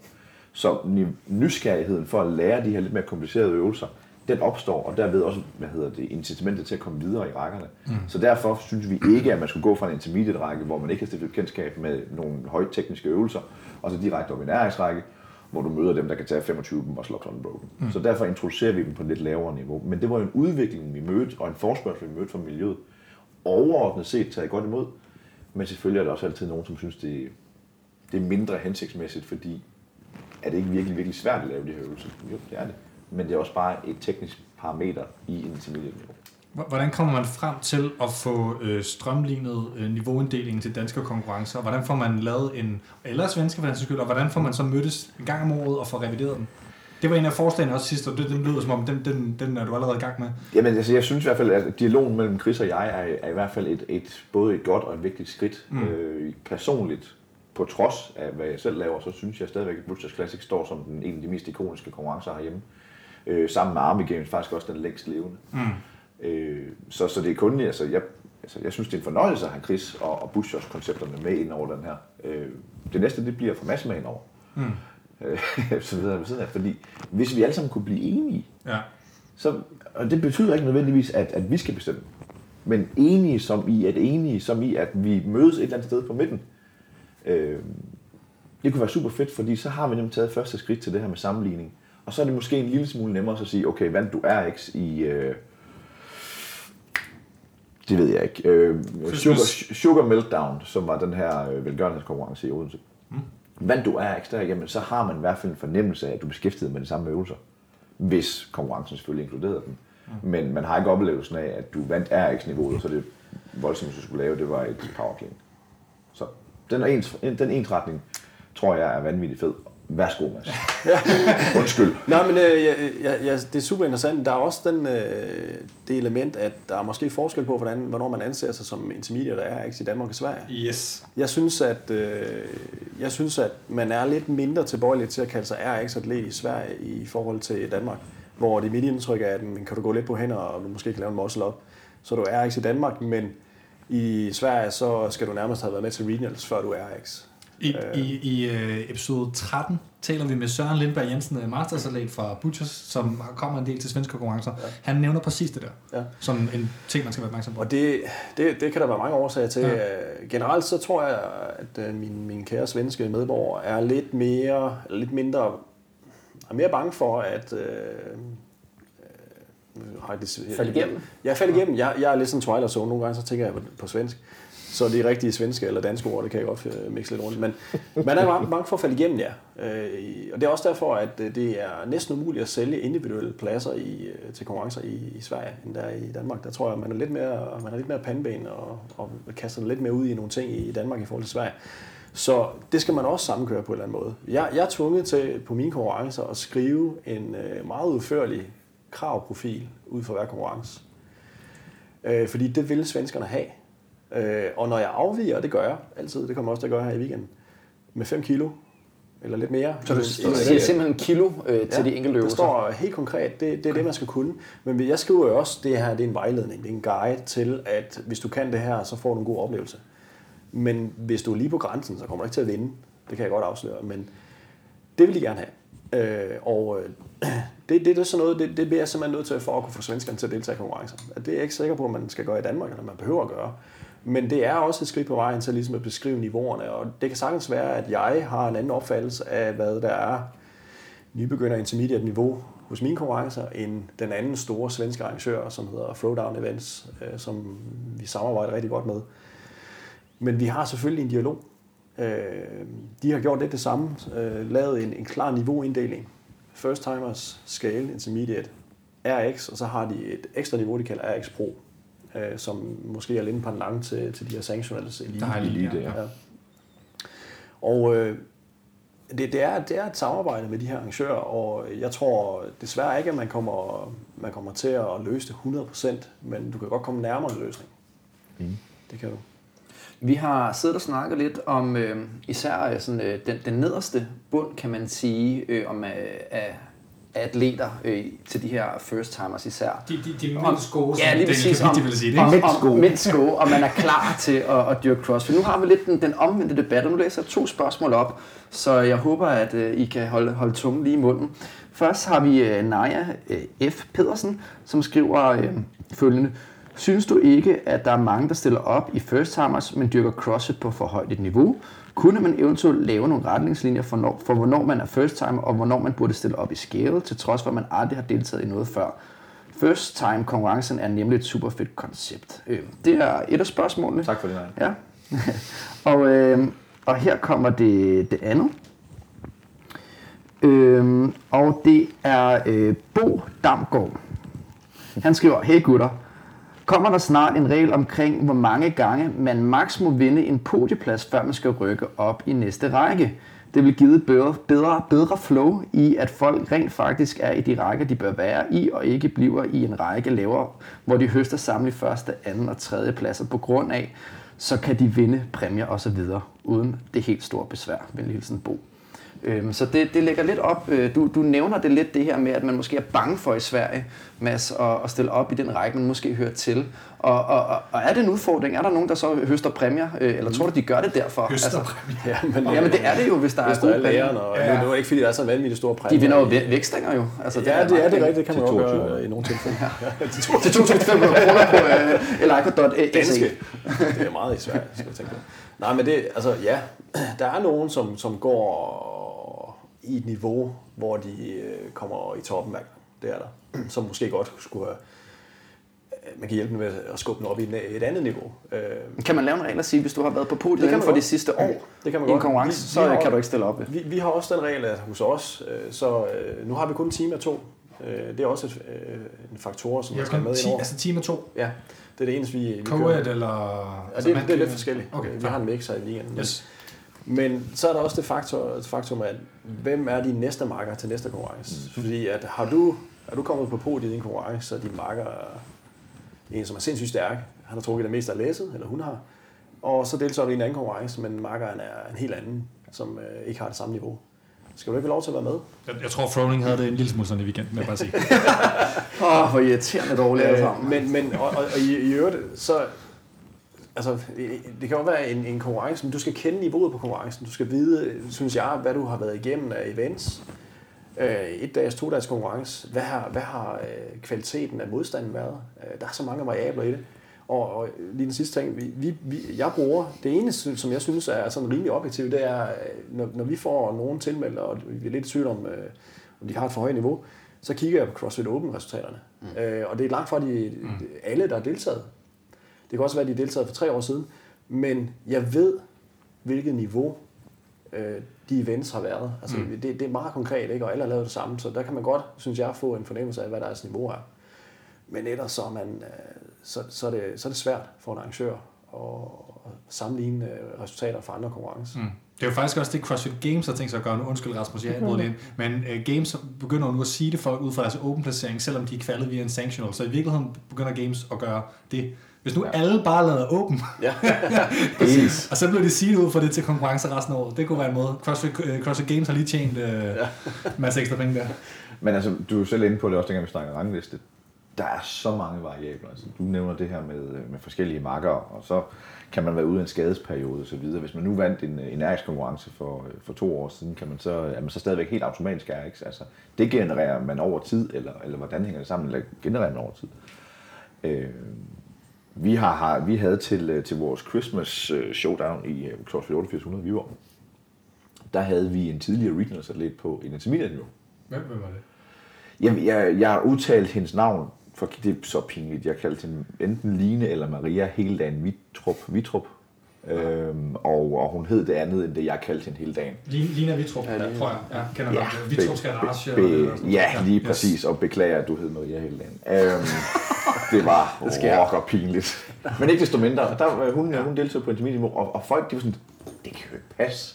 Det er jo langt, langt, langt over. Øh, og overhovedet ikke for at fornærme nogen som helst performance, men, men holdet vandt ikke. Nej, nej. Ej, hun, hun er ikke, det tror jeg også, hun selv hun vil sige. Hun er ikke på det niveau. Jamen, det er det, jeg mener. Ja. Altså, men hører du regionals? Altså, hvis du skulle stille op i en intermediate konkurrence, folk ville også gå fuldstændig, det ved jeg ikke, måske. men det antager jeg, at de ville. Og det tror jeg, folk ville synes var underligt. Men det er jo det, jeg mener, altså, der, er, Altså, der, er, der er så mange variabler i forhold til at fastsætte det her niveau, og der er så mange forslag til, øh, jamen kan vi så ikke, øh, hvis man har været på podiet en gang, skal man så ikke videre? Jo, hvad nu det som team, som Assan siger? Hvad, hvad så hvis det er en helt, helt anden makker? Øh, så, så opstår der hele den her problemstilling med, vi tager en lille skridt videre, hvis man skal tilmelde sig scaled, mm. eller lad os bare tage intermediate, bare en, bare en over og en under. Så har du en RX-atlet, der timer sammen med en scaled-atlet. Hvor man så mødes i midten og være intermediate. Mm. Altså, jeg, jeg spørger faktisk, fordi mm. det er et af de spørgsmål, vi får rigtig ofte, og det er vanvittigt svært at svare på. Jeg, jeg, jeg kan fortælle dig, hvad man gør i de største e-sports i verden, som det har 11-12 millioner hvad hedder det, brugere, som dagligt jo hele tiden spiller. Der har man jo både for eksempel i Dota 2 den mest indtjenende, og jeg siger det tit på, på Facebook, selvom den ikke bliver set lige så meget, øh, hvad hedder det, og store danske spillere jo. Nå, det er lige smidt ud. Hvad hedder det? Facebook-diskussionen har kørt meget om det der var. Nå, men, men der har man en, en, en team-niveau og et individuelt niveau, når man spiller. Så har man faktisk adskilte score, øh, kaldet MMR-system, som er sådan ligesom i, man kan sige, i skak kan man bruge halo scores og sådan nogle ting, men her giver det mest mening i, i at måske bare bruge, har man været på podiet, for eksempel et niveau, så rykker man op eller lignende. Øhm, og, og hvad skal man sige, det kunne være en måde at gøre det på, altså skille hold, skill og hvad ved jeg, individual skill øh, ad et eller andet sted, som to forskellige værdier. Det er selvfølgelig flere variabler at arbejde med, men altså... Altså, tanken er på ingen måde dum. Mm. Meget interessant i virkeligheden, men, men vi vender hele tiden tilbage til det, som Mads også siger. Hvad nu, hvis du, altså, hvis du er sammen med en type marker i en konkurrence? Mm. Øh, altså, hvis jeg teamer bare ved bordet her, hvis jeg teamer sammen med Mads, jamen, så kan vores hold præstere på en måde, og hvis jeg teamer sammen med Thomas, så kan vi formentlig præstere på en anden måde. Ja. Altså, i begge tilfælde vil jeg være absolut røven af 4. division, men det, det, det nu ikke. Men, øh, men der er virkelig, virkelig mange ting, der skal højde for. Mm. Og for at vende tilbage til det, som jeg havde en længere maraton om lige for lidt siden, så vender vi også bare tilbage til konkurrencen. Har folk, altså Madsen nævner det også, har vi, har, hvad har folk været udsat for til den her konkurrence? Hvis man som RX, mine konkurrencer, intermediate athlete, deltager i øh, var for, øh, Silkeborg Sommer Challenge for eksempel hos Bjørn i Silkeborg, og vinder hele skidtet i RX-niveau. Men kører Bjørns standarder, altså sådan rent inddelingsmæssigt, på et helt andet niveau og på en helt anden måde, så kan vi stadigvæk ikke bruge det til noget som helst. Mm. Fordi så får du lige pludselig, hvis vi laver det her pointsystem, eller leaderboard, eller hvad nu skal kalde det, sådan et nationalt rangsystem, så får du lige pludselig en pind for at have vundet en RX-konkurrence. Men så skal du også være RX over i Butchers. Det er sådan noget andet. Ja, hvor der kommer games-atleter. Altså, det, Det er det, jeg mener. Jeg har lige, apropos det der med niveauuddeling, hvis vi nu hopper fra, om man snyder sig intermediate og burde være RX til at snakke toppen af RX. Mm. Det, der er sket nu, som, som du nævnte tidligere, Mads, det er, at der er kommet elite-niveau, eller RX+. Det har kørt til nogle af de store europæiske konkurrencer, men nu er det jo blevet institutionaliseret ved, at alle sanctionals altså begynder at bruge det her niveau, og nogle har også øh, RX øh, sideløbende konkurrence ved siden af, som altså er et andet niveau nu. Og øh, Mikkel øh, Lindhardt fra Bazaren, øh, spørger, om der ikke burde være et elite-niveau til folk, som er stillet til regionals eller store udenlandske konkurrencer. Man kan sige, der er trods alt tit øh, på en del af de store danske konkurrencer, hvor, hvor de store dele gider komme, så ved man, top 5, det er cirka de her mennesker. Og, og det er måske lidt demotiverende at rykke fra intermediate til RX, når man ved, man kan ikke engang være med i kampen om de spændende pladser. Er der mulighed for at dele de mennesker ud på en eller anden måde? Ja, men samtidig så vil du ikke kunne skabe en konkurrence. Du må måske lave et enkelt heat. Mm. Øh, RX Pro eller Elite. Mm. Øhm, så, altså fordi vi snakker svært, at Danmark er et lille miljø? Ja, eller sådan, det er meget, meget øh, fotal, og, og igen, jeg sagde også tidligere, jeg tror, at de her rigtig, rigtig elite atleter, de deltager ikke så mange konkurrencer. Og øh, Agidius er lige hjemme øh, og kører butchers, øh, fordi mm. han synes, det er sjovt, og det passer ind i hans daglige træning, tror jeg. Ikke? Han piker ikke lige til den konkurrence, tror jeg. Det er heller ikke sikkert, han gør det, men, men han vinder alligevel. Men, men altså, det, det, er ikke noget, det er ikke noget, som du kan ligesom bygge en konkurrence på, med mindre at altså det er de her store arena-konkurrencer. Mm. Og det, det, som vi også snakker om på den forrige podcast, det, det er jo også det her med, at mængden af energi, man lægger på de her elite-atleter, øh, er ikke nødvendigvis det, der gør lønsomheden i en konkurrence god. Mm. Og den behøver at være der, specielt hvis du skal køre det år efter år. Hvis ikke folk skal køre surt i det, så behøver du altså fylde den op med, med dem, som betaler gildet. Og det er den store pulje af nybegynder og intermediate. Mm. Det er dem, der ligesom kan skabe god grund for en, øh, en lønsom konkurrence. Altså, jeg har også øh, personligt svært ved at forestille mig, om man kunne lave en elite-række, når man konkurrerer i Danmark. Fordi lige sådan, da jeg var til Christmas Challenge til min sidste konkurrence, du ved, første, anden og tredje pladsen, det var det eneste, der kunne blive der allerede. Og det var altså kun efter tre workouts, ikke? Jeg tror, det var fire scorede events, hvor der var en A, øh, eller et, et A og et B. Ja. Øh, men, men efter fire scorede workouts, der havde man allerede sat første, anden og tredje pladsen at der så skete lidt forskydninger i finalen mm. på placeringerne der, det er så det. Men, men så, det er nærmest bare altid sådan til konkurrencer. Jeg kan også huske, at jeg var engang med til en, en RX Events konkurrence i, i Kolding, og der var vi fem gutter, der øh, lå lige i røven af hinanden. Første, anden, tredje, fjerde, femte. Og det var bare sådan i alle workouts. Og, og der var bare dem, og, de var, og der var ikke nogen andre, der kom op mm. og, og udfordrede dem. Øh, men så ville du kun have en konkurrence, hvor der var fem deltagere, eller kun konkurrence i, i Køge, hvor der var tre deltagere eller tre hold. Ikke? Så jeg tror godt nok, det er en svær udfordring. Men, men, men spørgsmålet er jo, fordi nu mangler der jo også, nu, man sige, Watchdog var måske, som vi også snakkede om sidst, noget af det, sådan, det største, og nu prøver, hvad hedder det, øh, Norse, og selvfølgelig også øh, dig, øh, Rasmus, med, hvad hedder det, Norse Face-Off sidst, og prøver også at lave noget stort, man kan sige, der er jo ikke en stadiumkonkurrence med, med store navne. Nu, nu, nu, nu vil jeg, nu, jeg Ja, har ja. siddet på den et stykke tid. Ja, Men den handler faktisk også, meget- det er egentlig ikke for at reklame for den, men det er Nej, også fordi, den handler om niveausnakken. ja. Det må, du må godt lave noget reklame. Med, øh, faktisk med jeres, øh, jeres øh, kollega, Mainz og, Mhm. mm-hmm. og Klint, øh, Sebastian Klint, har vi jo øh, allerede lidt inviteret til den konkurrence, vi har valgt at kalde Battlegrounds øh, Individual. Øh, hvor øh, fuldstændig på deres opfordring, jeg vil ikke tage noget som en kredit for dem, fordi mm. det, er en, øh, det her det er en konkurrence opfundet af, af, af de to. Og de har tænkt over det i mange år. De har i hvert fald presset på i lang tid, om vi ikke skulle lave det her. Øh, Jeg vil ønske, at jeg kunne sidde her i dag og så øvrigt også afsløre, hvor det er henne, men jeg har mangler en mail, og jeg må ikke få lov til at tænde min telefon, fordi den går i udstyret. så, så jeg kan ikke, så jeg kan ikke engang tjekke det. Men ikke desto mindre, den konkurrence, og jeg håber på, at de så længe selv vil, øh, vil sådan præsentere det lidt mere personligt om, hvad det er, de har tænkt sig. Men den er fuldstændig uden niveauinddeling. Der kan, altså alle, der tilmelder sig, ryger i samme niveau, selvfølgelig her og dame, for det er klart, og så er det individuelt. Men til gengæld så vil programmeringen, altså vores antal af deltagere vil være færre, det er en to-dages konkurrence, og så vil programmeringen være så bred, at, at vi når ud på nogle helt andre kompetenceafdækningsniveauer, end man kan gøre på en endags konkurrence, altså helt praktiske årsager. Øh, altså vi snakker for eksempel en 40 minutters workout. Altså hvis jeg lavede en 40 minutters workout med 6 heat, så var det eneste, vi kunne lave den dag. Øh, Det er en kritik, som jeg nogle gange har tænkt i forhold til RX-konkurrencer. Altså, no offense, men at man kan sige, du får ikke mulighed for at teste det, det endurance-niveau, fordi det er der ikke tid til i konkurrencen, så det er jo...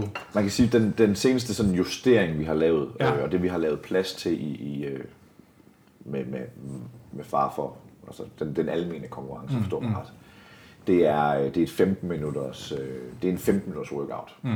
Øh, vi prøvede den for første gang i faktisk til Christmas, fordi hvis vi har 15 minutter tidligere, så har vi måske delt den op, så skulle man lave tre AMRAPs og tre minutter med minutters pause. Så du, til, øh, til Christmas, der skulle de faktisk lave en workout med en 15 minutters time cap. Bare køre på.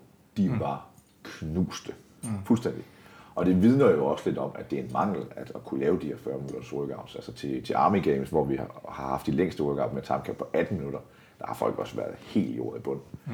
Så det vidner lidt om, at kompetenceafdækningen mangler i konkurrence. Det er så det, som de to herrer her, de gerne vil gøre. Øhm, og, øh, og jeg stiller alt, hvad jeg overhovedet har til deres rådighed, øh, jeg og, øh, og vores udstyrspartner for Fitness Gro, øhm, i forhold til at, at kunne hjælpe med at afdække det her, fordi den her, bliver, den her konkurrence, lige præcis den her konkurrence, skal præsenteres meget mere som en atlettest. Det her, det er, hvor Frøsing han kommer ind, og hvad er det så, han er god til? Altså, er det at løbe de der 6 km, trække en slæde, og så øh, lave 500 burpees over en væg? Mm. Det var det før måske, ikke? Nej, det har været faktisk, sådan noget der har faktisk været rigtig god til en gang. Nu kan jeg bare ikke løbe efter den her kildescene der. det kan jeg sgu godt forstå. Men ikke desto mindre, det er den form for afdækning, som den her konkurrence vil. Så det håber vi lidt på, bliver sådan det her nye, i hvert fald i vores repertoire, okay. som vi ikke rigtig, eller som vi, skråstrej, de ikke rigtig synes, vi har set på nuværende tidspunkt. Nå, Øhm, som, som CrossFit Aficionado, øh, lad mig sige, så, så har man måske savnet det som tilskuer, som, som vil gerne have de danske atleter på dansk grund, kunne man komme og se dem blive testet. Og så må man jo håbe, de bliver tiltrukket nogle, nogle navne. Jeg håber på, at vi får nogen med. Ja. Øhm, også fordi vi blander jo her elite, hvis vi skal tage det segment, altså nu ved jeg ikke, om Magito sådan er hjemme, det kan være. Mm. Men ellers så tager vi jo, hvad vi måske har, de her 5, 6, 12 elitefolk, nogle RX-folk, og intermediate nogle scale, hvis de har lyst til at være med, skal de være hjertelig velkommen. Det bliver nok bare en anden til presset.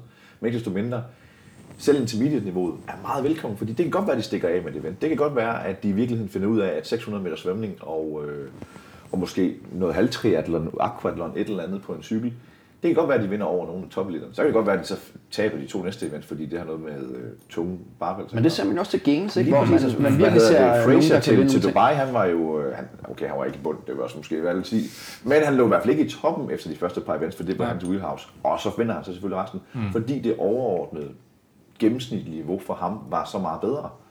Hvorimod, at man som enkelt og individuelt, så kan det være, at øh, du stikker af med et event, og Tobias gør. Mm. Men så kan det så godt være, at, at øh, en RX-atlet så stikker af med resten til sidst. Men jeg tror, det bliver enormt spændende at se, og ikke mindst også en udfordring for de atleter, der er med. Mm. Simpelthen bare for at prøve, hvad er det i virkeligheden, jeg kan. Øh, Daniel Hesbæk fra over for Esbjerg skrev til mig, det er det vil jeg, og det kan godt være, at jeg ikke vinder. Men det bliver skideskægt at prøve op imod nogle af de bedste, for at se, hvad kan jeg i virkeligheden? Mm. Altså, og hvad kan jeg individuelt? Jeg synes, det, som øh, der lyder mest spændende for mig, det var det der med, at du nævner, at der er 100 burpees med op ad en væg eller andet.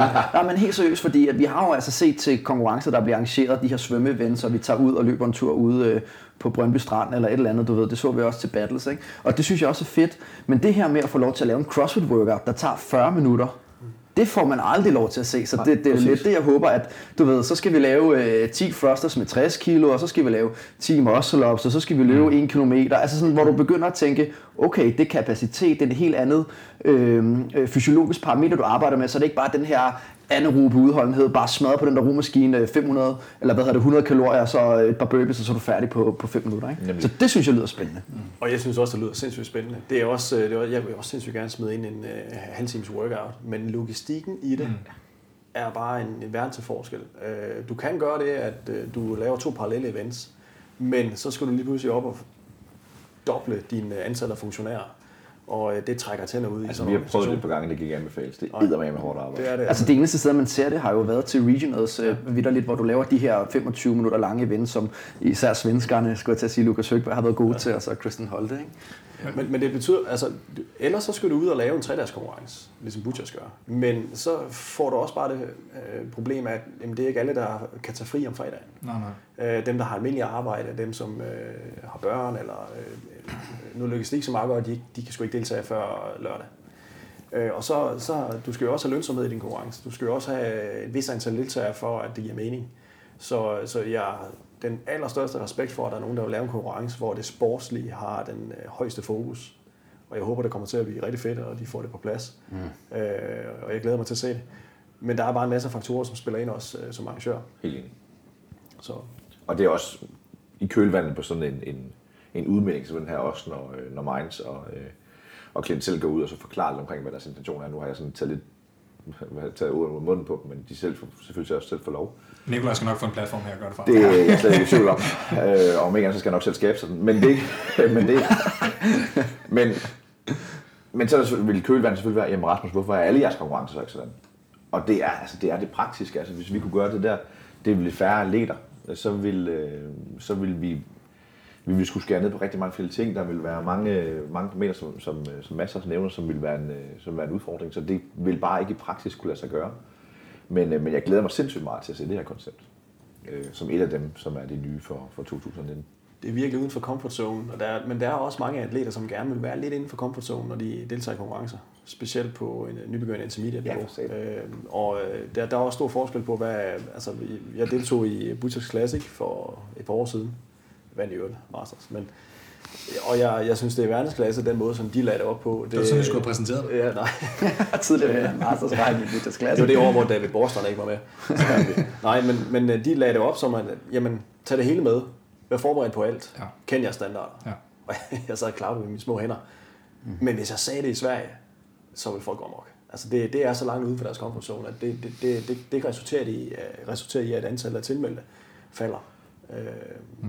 I hvert fald til næste konkurrence. Men, men jeg synes, det er verdensklasse. Ja, og det, men der er stor forskel på... Men, men jeg tror også bare lige præcis med Butchers klasse, de har bare, du ved, det, det, det er så unikt, det brand, de har gjort sig fra, helt fra starten af. Mm. Så det, jeg tror sgu ikke, at der er nogen andre, der kan tillade sig at gøre det, som starter op, som, som de har kunnet gøre. Ja. Øhm, fordi at, at den måde, at, at Kenneth Dehn især øh, var med til at programmere konkurrencen, også med Henrik Affe, det var bare den der hovedunderarm, og ved du hvad, I skal bare kunne det, og hvis I ikke kan, så er det bare ærgerligt. Ja. Øhm, men, Old school. ja. Vi begynder at komme i nærheden af, af en afslutning. Selvfølgelig gået over tid, ligesom altid.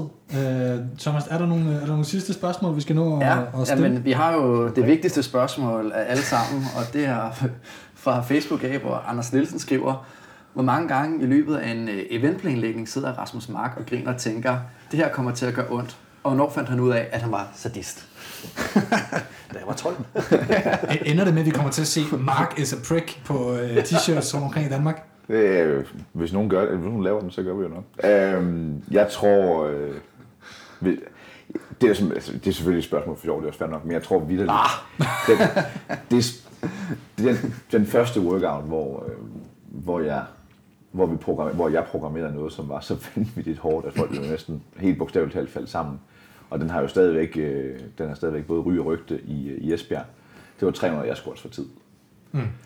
Øh, det er jo en del af Murph, så, så de fleste er jo vant til at lave den. Der er bare ikke ret mange, der er vant til at lave den på sub 6 minutter.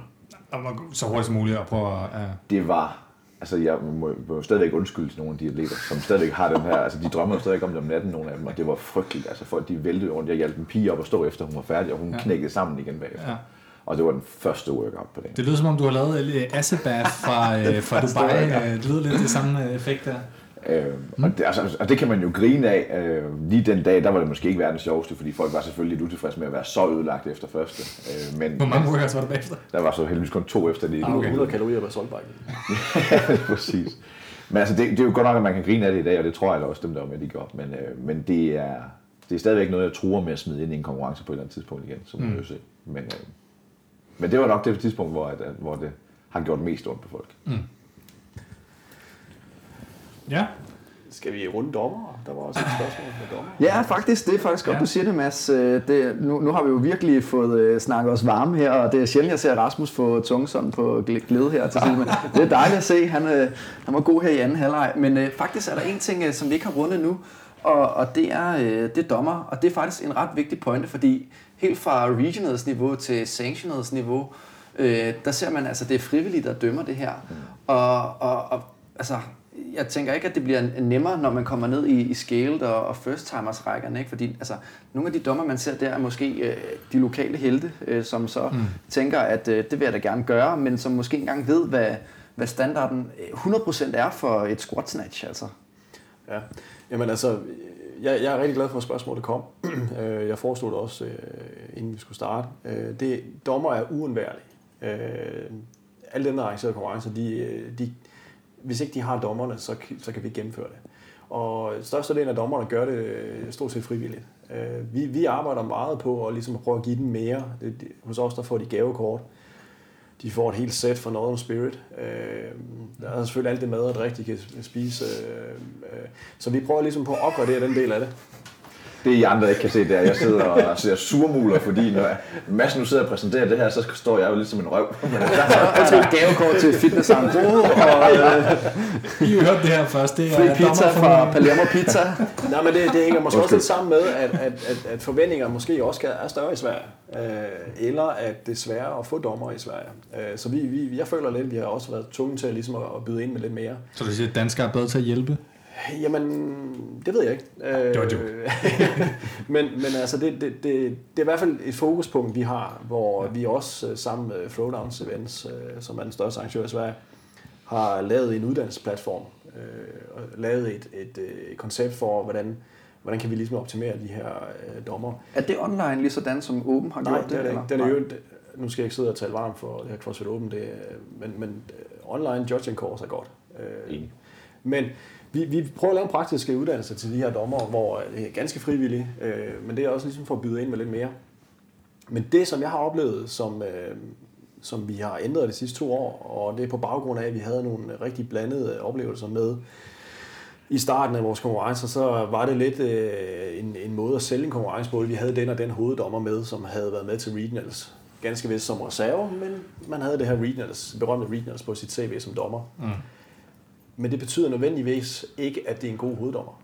Øh, vi havde nogle oplevelser, hvor at, øh, og, og det er også det, jeg står også som boksejer, og hvor mange af dem, der hjælper til, det er som medlemmer i boksen. Og det er også lidt en, en, en ting, som man skal tænke på. Men at øh, hoveddommeren skælder ud på vores øh, dommer, det holder bare ikke. Det, det er det samme med atleter. Altså regel nummer et hos os, det er, at du skal ikke brokke dig til dommer overhovedet. Så ryger du ud. Det gælder selvfølgelig også hoveddommeren.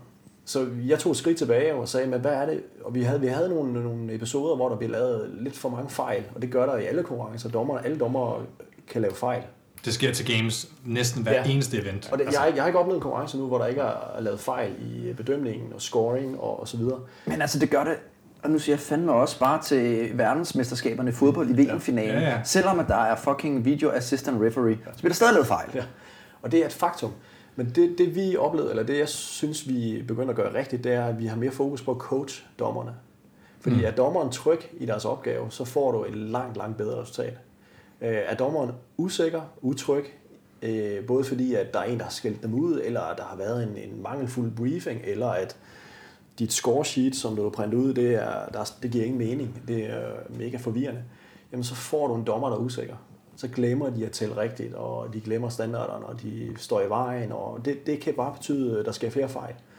Så vi gjorde det, at vi, øh, vi, vi tog, øh, jeg har to hoveddommere, som jeg altid bruger, og det, det er faktisk to af mine coacher, som er verdens bedste hoveddommere. De, og det er fordi, at forstår mig ret, de vil ikke være hoveddommer, men de er bare af natur vanvittigt dygtige. De er rolige, og de har en autoritet. De har evnen til at coache de her dommer. Så vi samler dem gerne mellem øh, de her heat, og så lige samler ind, øh, hey, det skal I gøre bedre, og det skal I gøre sådan og sådan.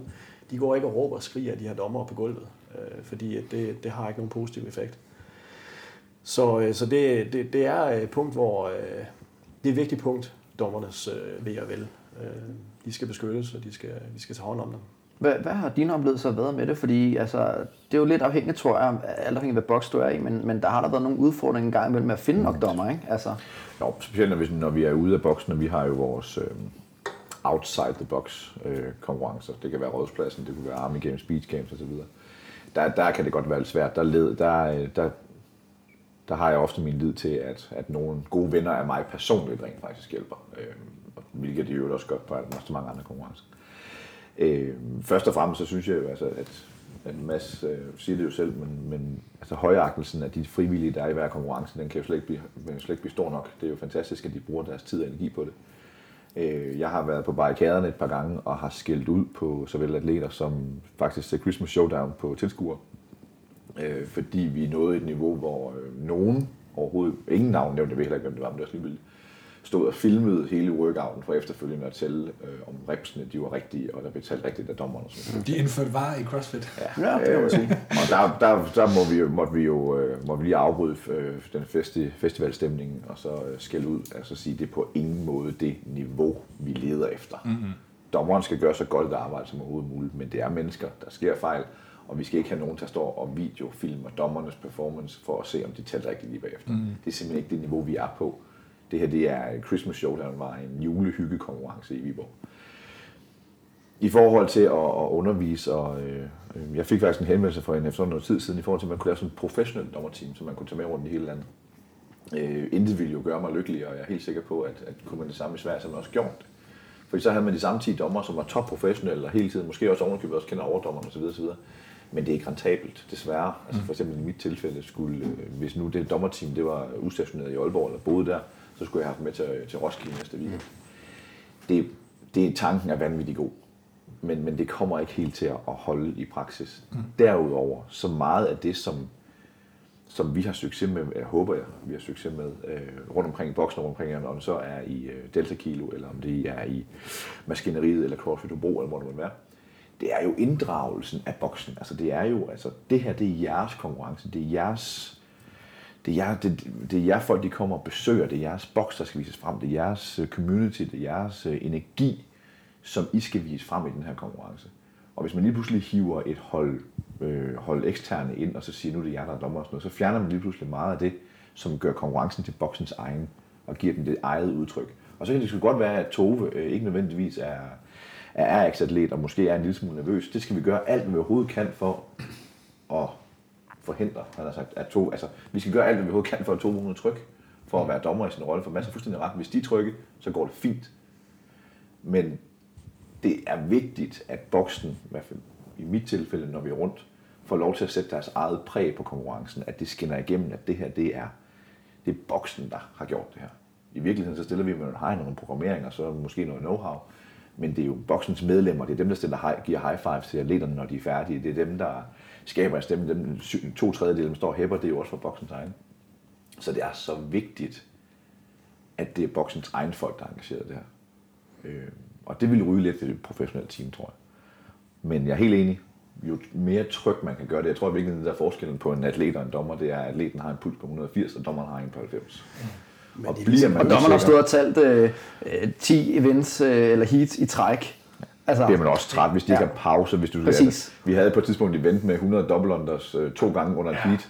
Det er De var jo fuldstændig firkantede i Det, hovedet. det, kan man, det kan man næsten. Altså, det, det er faktisk sindssygt svært at være dommer. De, de, nogle af de gange, jeg har været det, har, jeg med været stresset over situationen. Altså bare åben dommeri mm. også nogle gange. Det er fucking svært. Helt vildt. Altså jeg kan også huske, at jeg skulle dømme dig på et tidspunkt, Thomas, hvor du endte med at stå og råbe. Nu er vi også venner, ikke? Så det er også okay. Men du endte med at stå og råbe og skrige af mig, fordi at... Øh, Jeg tror ikke, Jonas vidste, hvor konkurrencemenneske jeg blev, når jeg var gammel worker. Selvom jeg har min fod i en støvle, på grund af, at han sprunget af kildsingen. Det er, det er jo en spændende, det er en spændende ting, fordi når folk de står udenfor om, omkring tilskuerpladsen, står parat inde på banen og sådan noget, så er de en type mennesker. Mm. Men nogen ændrer sig simpelthen, når de går ind på konkurrencegulvet. Smule ligesom at få noget drik. Det er sådan, ja, lige præcis. Men så bølgerne går simpelthen højt, og jeg håber bare sådan, at både atleter og tilskuere rundt omkring landet, de respekterer og virkelig højagte dem her, som er frivillige, fordi det er virkelig ikke nemt. En, en ting, jeg tænker, det er, at atleterne kan også hjælpe sig selv. Jeg har været coach for, for nogle gange, et par gange til nogle konkurrencer for nogle, og en af de ting, jeg sagde til dem, hver eneste gang, de gik ind på gulvet, det var, tal lige med jeres dommer, sig lige hej, sørg lige for at sige, jeg vil gerne have, du tæller, jeg vil gerne have, du ikke tæller. Er I lige enige om det, I kan nå på det, øh, altså man har måske nogle gange et minut næsten til at have mulighed for at snakke med dommeren i nogle events, og det gør, hjælper dig så meget, sådan så at du ikke er i tvivl, om du får en no-rap eller ej. Øh, og man kan sige, der skal man som atlet måske tage lidt ansvar for, at dommeren trods alt bare er frivillig og hjælper. Og altså ikke er en professionel, som man kan blive sur på bag. Det er rigtig godt, du siger det. Ja, det. Jeg skulle lige til at, Ja. ja. at, at nævne det også. Det er rigtig godt, du tager det med. Det er samarbejde Mm. øh, mellem dommeren og atlet. Øh, det, dommeren er mindst lige så nervøs, som atleterne er. Altså, tro mig. Øh, Især hvis man hjælper til og ikke... Ja, altså, Ja, og det er nogle af de kendte situationstegn atleter, du skal Yes. dømme Ja, og nu, også ja, spille. Ikke? præcis. Ikke? Og, og, Hvis man skal dømme Frøsig. og nogle atleter er også, er også ret dygtige til ligesom at lige inden heatet skal starte. Ja. Ja. Hey, må man gøre det? Og så står dommeren ikke. Ja. Ja, okay, så bare gør det. Og så, og så kommer de lige øh, lidt nemmere rundt. Men, men igen, som opfordring til atleterne derude, samarbejde. Er du i tvivl? Tag en ekstra repetition, for guds skyld. Lad være med at stå og stille dig op. Jeg har set noget vanvittigt ting. Folk står og- diskuterer midt på banen og siger, det er sat med dumt, det der, fordi at... Øh, Altså, jeg prøvede til Christmas Challenge for mig og Christoffer, du ved, øh, vi skulle til Gammelgård. Gammelgård. Og så, øh, så, så, tæller, så siger Jonas, nej, er I klar? Og så vi tænker, ja, vi er klar. Og så tæller han ned 10, 9, og så siger han 1. Det er så ikke mig, Jonas. jo. Øh, hvad Hvad, hvad snakker du om nu? Jeg, jeg Christmas Challenge. Øh, jeg var Ja, til ja. konkurrencen. Ja, ja, og præcis. så, og så fordi, du tæller- sagde Jonas. Nå, man Niklas. Nå, okay. Nå, nå, ja, men det var, jo, det var Jonas Ilum, Jonas Ilum øh, som øh, tæller ned øh, Nå. til konkurrencen. Nå, og så lige pludselig, så, øh, så går Christoffer i gang med ship, og vi har ingen dommer. Det kan jeg huske, det kan jeg, jeg var nede og Og tage så råber jeg bare, vi har ingen dommer! I kan ikke gå i gang! Og så kommer der bare en dommer løven ind fra siden, sindssygt heldig. Der Hvor I lavet? 100? Ja, tre, ja, ja, præcis. Jamen, det var så Christoffer, der stod og talte. Så, men... Øh, Jeg stod til dig, eller hvad? ja, nej, altså, det er altså... der var en tilskuer, der var snart råd i, og så rent faktisk bekræftede, jamen de har taget øh, 30 Ja, dobbelt 30 eller sådan noget der, men altså det var... 35. Hold kæft, mand. Altså, så det der råd der med lige sådan sige hej til sin dommer inden, det er sådan en god idé, men vi var jo i gang med at proppe tape op på barn og sådan nogle ting, og sådan, så vi tænkte bare, nå, nu tæller han ned, fint nok, vi er klar. Jeg, jeg, skal, Ja, ja, jeg, er skal lige, jeg skal lige hurtigt øh, høre jer også. Har I nogle tanker omkring øh, standarder? Fordi at, øh, hvad skal man sige, Castro og CrossFit Games har, været, har pushet tit nogle standarder for nogle ting, men der er også nogle øvelser, som ikke findes en, en officiel standard for. Vi har snakket meget om presstandard, squat-standard i konkurrence CrossFit for eksempel, som ikke fandtes, før vi fik det med CrossFit Total. Men I skal jo opfinde nogle standarder for nogle øvelser en gang imellem. Det er jo også en overvejelse, som man kan se, altså burpees har udviklet sig enormt meget. Mit argument er, at det handler om, at standarden har været svær at dømme, og så udvikler man den. Chest to bars længere at dømme, øh, altså sværere at dømme end normale pull-ups, i forhold til, at man kan se, om barnet bliver rørt. Der er mange ting. Mm. Øhm, og det har jeg altså også sagt det før, og sådan nogle ting, men hvad er jeres tanker omkring og de ting? Ja, altså nogle gange, nogle gange skal man måske anpasse lidt i en anden retning, så mm. Mhm. vi, vi går lidt ned i, øh, i krav. Øh, men vi lægger os generelt op af CrossFit Open standarder. Det gør vi. Øh, der er også det, altså standarden udvikles måske også med henblik på online qualifiers og video. I et vist omfang, ja. Altså det, det skal være tydeligt at se på en video som er indspillet på en dårlig iPhone eller et eller andet. Men, men det er rigtigt, at vi, Ingen navn nævnt på Ja, vores. men altså, det, det er jo sådan noget med order objects, for eksempel. Ikke? Ja. Ja. Hvordan, hvordan skal vi lægge standarderne? Der må man jo prøve sig lidt frem og prøve at forklare det bedst muligt. Ja. Så Egentlig, altså den eneste, vi fraviger fra øh, i forhold til Open, det er, det er burpees. Ja, det er den nye standard, der afviger fra. Ja. Der må gås og kravles lige så tosset, man har lyst, i hvert fald sådan, som vi gør det. Ja. Øh, dernæst så... Øh, altså vi oplever det i forhold til nogle af vores øh, sådan lidt mere off the book øh, konkurrencer. Altså det er Beach Games og Army Games igen. Mm. Til Beach Games 2018, der havde vi, øh, der havde vi bjergning med. Øh, det var jo et Darkside og Kasper Myrup, der har lavet programmet mm-hmm. til det. Altså ikke Det- person i vand, eller? Ja. Det er nemlig også været et spørgsmål i forhold til, at man laver alting selv. Nogle af dem, andre ikke. Lad det nu ligge. Ja. Men øh, der havde vi bjergning med, øh, som, som Darkside havde, havde fundet på og havde testet sammen med os. Øh, det var skideskægt, og det var ikke noget folk, der havde prøvet før, men det der med at få standarden indført så hurtigt, nærmest on the fly til konkurrencen, det var lidt svært. Men altså, det gik sådan set meget fint, mm. men det er klart nok, at folk skulle lige tilpasse sig til det. Så, øh, så noget af det, det der, det går along. Altså sådan, det finder vi på, når vi, sådan, når vi, når vi kommer til. Jeg har også øh, en sidste ting, jeg bare vil sige, øh, øh, som er rundt af, og det er egentlig noget, du nævnte, Mads, det her med, at I giver en lille goodiebag til, til jeres dommer. Og, øh, og jeg tænker også bare, og det er jo sådan lidt på egen regning her også, og, og, og jeg ved, man får også en t-shirt og, og også noget mad hos Rasmus, men, men det tror jeg altså virkelig noget, folk vil sætte pris på. Man behøver sikkert blive betalt for det eller noget, men det her, hvis du får et par grips fra de, de sponsorer, der alligevel er, og det Bodylab, der gør det, så du får 100 kroner til, hvad hedder det, at købe produkter på deres side, det tror jeg seriøst, at, dommerne vil øh, bare sætte så kæmpe pris på, fordi så er man sådan lidt, åh, jeg får en goodie bag, og man glæder sig lidt til at se, hvad der er i den. Det synes jeg personligt er fedt Men, men man kan sige, det kan jo være, at det er nødvendigt for, at dommerne skal dømme ordentligt, eller for, der skal være motiverede dommer, og de skal have noget for det, så kan det være, at prisen per billet skal være dyrere, så man kan sige, det er lige som deltager indirekte, der er nogle ting der. Hvis man skal have penge til at give noget til. Det kunne man godt. Man kunne sagtens lægge ud og sige, prøv at høre, det, det er vores standardpris. Øh, Det bliver 50 kroner dyrere per time, eller 25 per individuel. Pengene går til, øh, til dommerne. Det kunne man sagtens, men, der, der, men igen, det, det er ligesom som generelt set som arrangør, altså du kan godt lægge et enormt stort stykke arbejde i at skaffe flere sponsorer, sponsorer som giver noget specifikt til dommerne.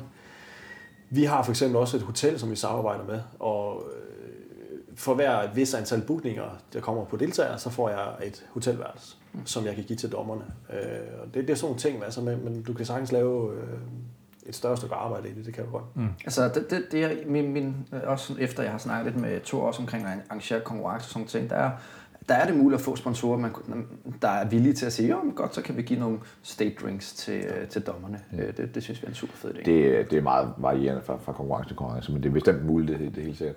Vi legede med tanken på et tidspunkt øh, konceptet Bring a Judge, hvor, din, Ah. hvor, din, øh, hvor for eksempel din teambillet blev 100 kroner billigere, eller hvad ved jeg, Ah, okay. hvis du tog en dommer med. Fordi Det er man fandme har, smart. Man har alligevel sandsynligvis en... en Kunne det lade sig gøre? Fyldt, vi har ikke, ikke eff- effektueret endnu. Det er sådan lidt tanken at Jeg synes prøve, også, nu, det er en fed idé, den har jeg gjort øh, prøve med, med nogle af de konkurrencer, hvor vi, hvor vi oftest er i sådan lidt bekneben øh, i forhold til dommer. Men, Den øh, idé er jeg nødt til at skrive ned her. ja, men du skal have, du skal have det velkommen. Det er faktisk en god idé. Jeg skal lige høre dig, inden at jeg gør det, Thomas. Øh, er der et sidste spørgsmål, vi mangler at stille? Nej, jeg, Nej, jeg, jeg synes Så- så, så- virkelig, vi er kommet rigtig godt rundt om det, og, og tusind tak til jer, der har stillet spørgsmål, fordi det er, det, det, det er fedt. Det er virkelig med til at åbne op for debatten, og, og det er det her med, at vi kan være jeres talerør øh, til, til dem, I måske ikke lige kan, kan ringe op til øh, og selv og snakke omkring det. Det, det er super fedt. Altså jeg føler nogle gange, at vi holder sådan et åbent arbejdsgruppemøde i øjeblikket fra, hvordan vi øh, forbedrer konkurrencemiljøet. Altså ikke fordi jeg siger, at vi gør det, men vi prøver at give jer taler og bringe jer sammen. Man kan jo håbe, at, øh, at folk gør det. Øhm, hele den her snak om Waterpalooza, sanctionals, ting og sådan noget, som vi har snakket lidt om, og der er blevet kommet nogle spørgsmål til det med Ben Smiths Instagram-post og sådan noget. Det må vi gemme til en anden gang, så kan det være, at vi, vi, når, vi når rundt om det. Spændende emne i hvert fald. Men I skal huske derude, man kan melde sig til nogle konkurrencer hos Rasmus. Ja, øh, jeg afbryder ham ved at række hånden op. Det er enormt unfair, det er så ked af. Er det fint? Det eneste, jeg, jeg vil opfordre til, fra, altså udover selvfølgelig at følge med i vores konkurrencer, mm-hmm. det, det som er hele vores kerneprodukt, det vil jeg meget gerne opfordre til. Men på baggrund af, hvad snakken har været, på baggrund af de mange spørgsmål, der har været, mm-hmm. så hvis man sidder derude med nogle konkrete idéer, øh, og det er, ikke, det er ikke dem, som, eller de af jer, som måske har noget, I er utilfreds med, fordi det er selvfølgelig fair nok at være utilfreds. Men de, som rent faktisk sidder med nogle forslag, nogle gennemtænkte idéer eller forslag, har du tænkt på det her, eller et eller andet, skriv eller ring, eller et eller andet, man- hvis I skriver på Facebook, så lover jeg at svare. Jeg vil meget gerne udvikle øh, både, både konceptet og mig selv som person i forhold til, hvordan jeg anskuer tingene. Så hvis man sidder derude med rent faktiske idéer, øh, forslag, nogle gode kontakter, det kan også være, at man selv har et eller andet at bidrage med. Skriv endelig, fordi jeg lover, at I får et svar. Øh, og så kigger vi på, øh, om, om det er noget, vi har tænkt over. Mm-hmm. Måske øh, er det ikke, måske er det. Øh, men lad os da endelig tage en snak om det. Så, så skriv endelig. RX Events hjemmeside, Facebook, Instagram osv. Og øh, Mads, Ja, jamen øh, tak for, at jeg fik lov til at være med. Ja. Jeg håber selvfølgelig at se en masse danskere, over, som vælger at tage turen over øh, Øresund. Øh, det er ikke hvor, så hvor er det boksen ligger henne? Som, Øh, men det ligger 5 minutters kørsel fra Øresundsbroen, så Okay. det ligger lidt, lidt den sydlige del af Malmø. Nemt. Øh, det er ikke så dyrt at tage over broen. Mm. Øh, få sådan en pendler, brobis eller tage toget. Øh, så jeg håber at se en masse danskere. Vi, vi, vi har det her Kronan Throwdown Series, som er seks konkurrencer i 2019. Øh, og øh, håber at se så mange som muligt. Ellers så er folk velkommen til at droppe forbi til en gang træning i Kronen CrossFit. Øh, hvis, Ja. Kan man lave drop-in-træning? Hvordan, Det kan du øh, sagtens. Okay. Øh, det er gratis, så øh, Fedt. Ja. Det synes jeg mangler, at der er mere gratis drop-in-træning. Jeg garanterer for, at, øh, at vi har lidt Lego, I kan løfte med. Ja, jamen, det kan da være, at vi kommer over en dag. Nu må vi Så se. det er meget velkommen. Ja. Så, For, Hjem og spørge konen om lov. jeg har syge børn derhjemme lige nu. Det her, det har været min uge, mens du øh, har sådan lavet træningsting. Hvad hedder det? Um, anmeldelser. Jeg nævner det bare lige igen. 10'er. Det er super fedt, øh, alt det, der nogle gange kommer. Og jeg vil også bare gerne sige tak for, at den sidste uge har der med mig været meget øh, Instagram til at gå og aktivitet. Og min telefon har været rødglødende fra vores Instagram med spørgsmål til dem, der har lavet takeover. Kasha og, og Ronald. Tak til dem også. Mm. Men også til Waterpalooza konkurrence generelt. Til jeres episode har der været, øh, den her episode har der været rigtig mange spørgsmål og sådan nogle ting. Og det der engagement er jo hele ideen med det her fucking projekt. Det er, at jer, der sidder og lytter til det her, I øh, får lov til at sige endnu mere end os, der sidder og siger en masse ting i mikrofonerne i virkeligheden. Øhm, Og vi er så tæt på at få bestilt kopper. Nå ja, øh, til vores gæster og så videre, og, og vi er også ved at teste t-shirt-ideen endelig efter et år. Der er mange, der har, har spurgt sådan, kan man købe støtte-t-shirts og sådan noget. Vi skal lige selv prøve nogle først, så, så kigger vi på det. Så øh, CrossFit-ministeriet på, øh, på Facebook, Instagram, øh, skriv, følg med. Vi er blevet bedre til at svare på Facebook, vil jeg bare lige sige til alle jer, der bruger Facebook og Instagram. Tak for at I lyttede med.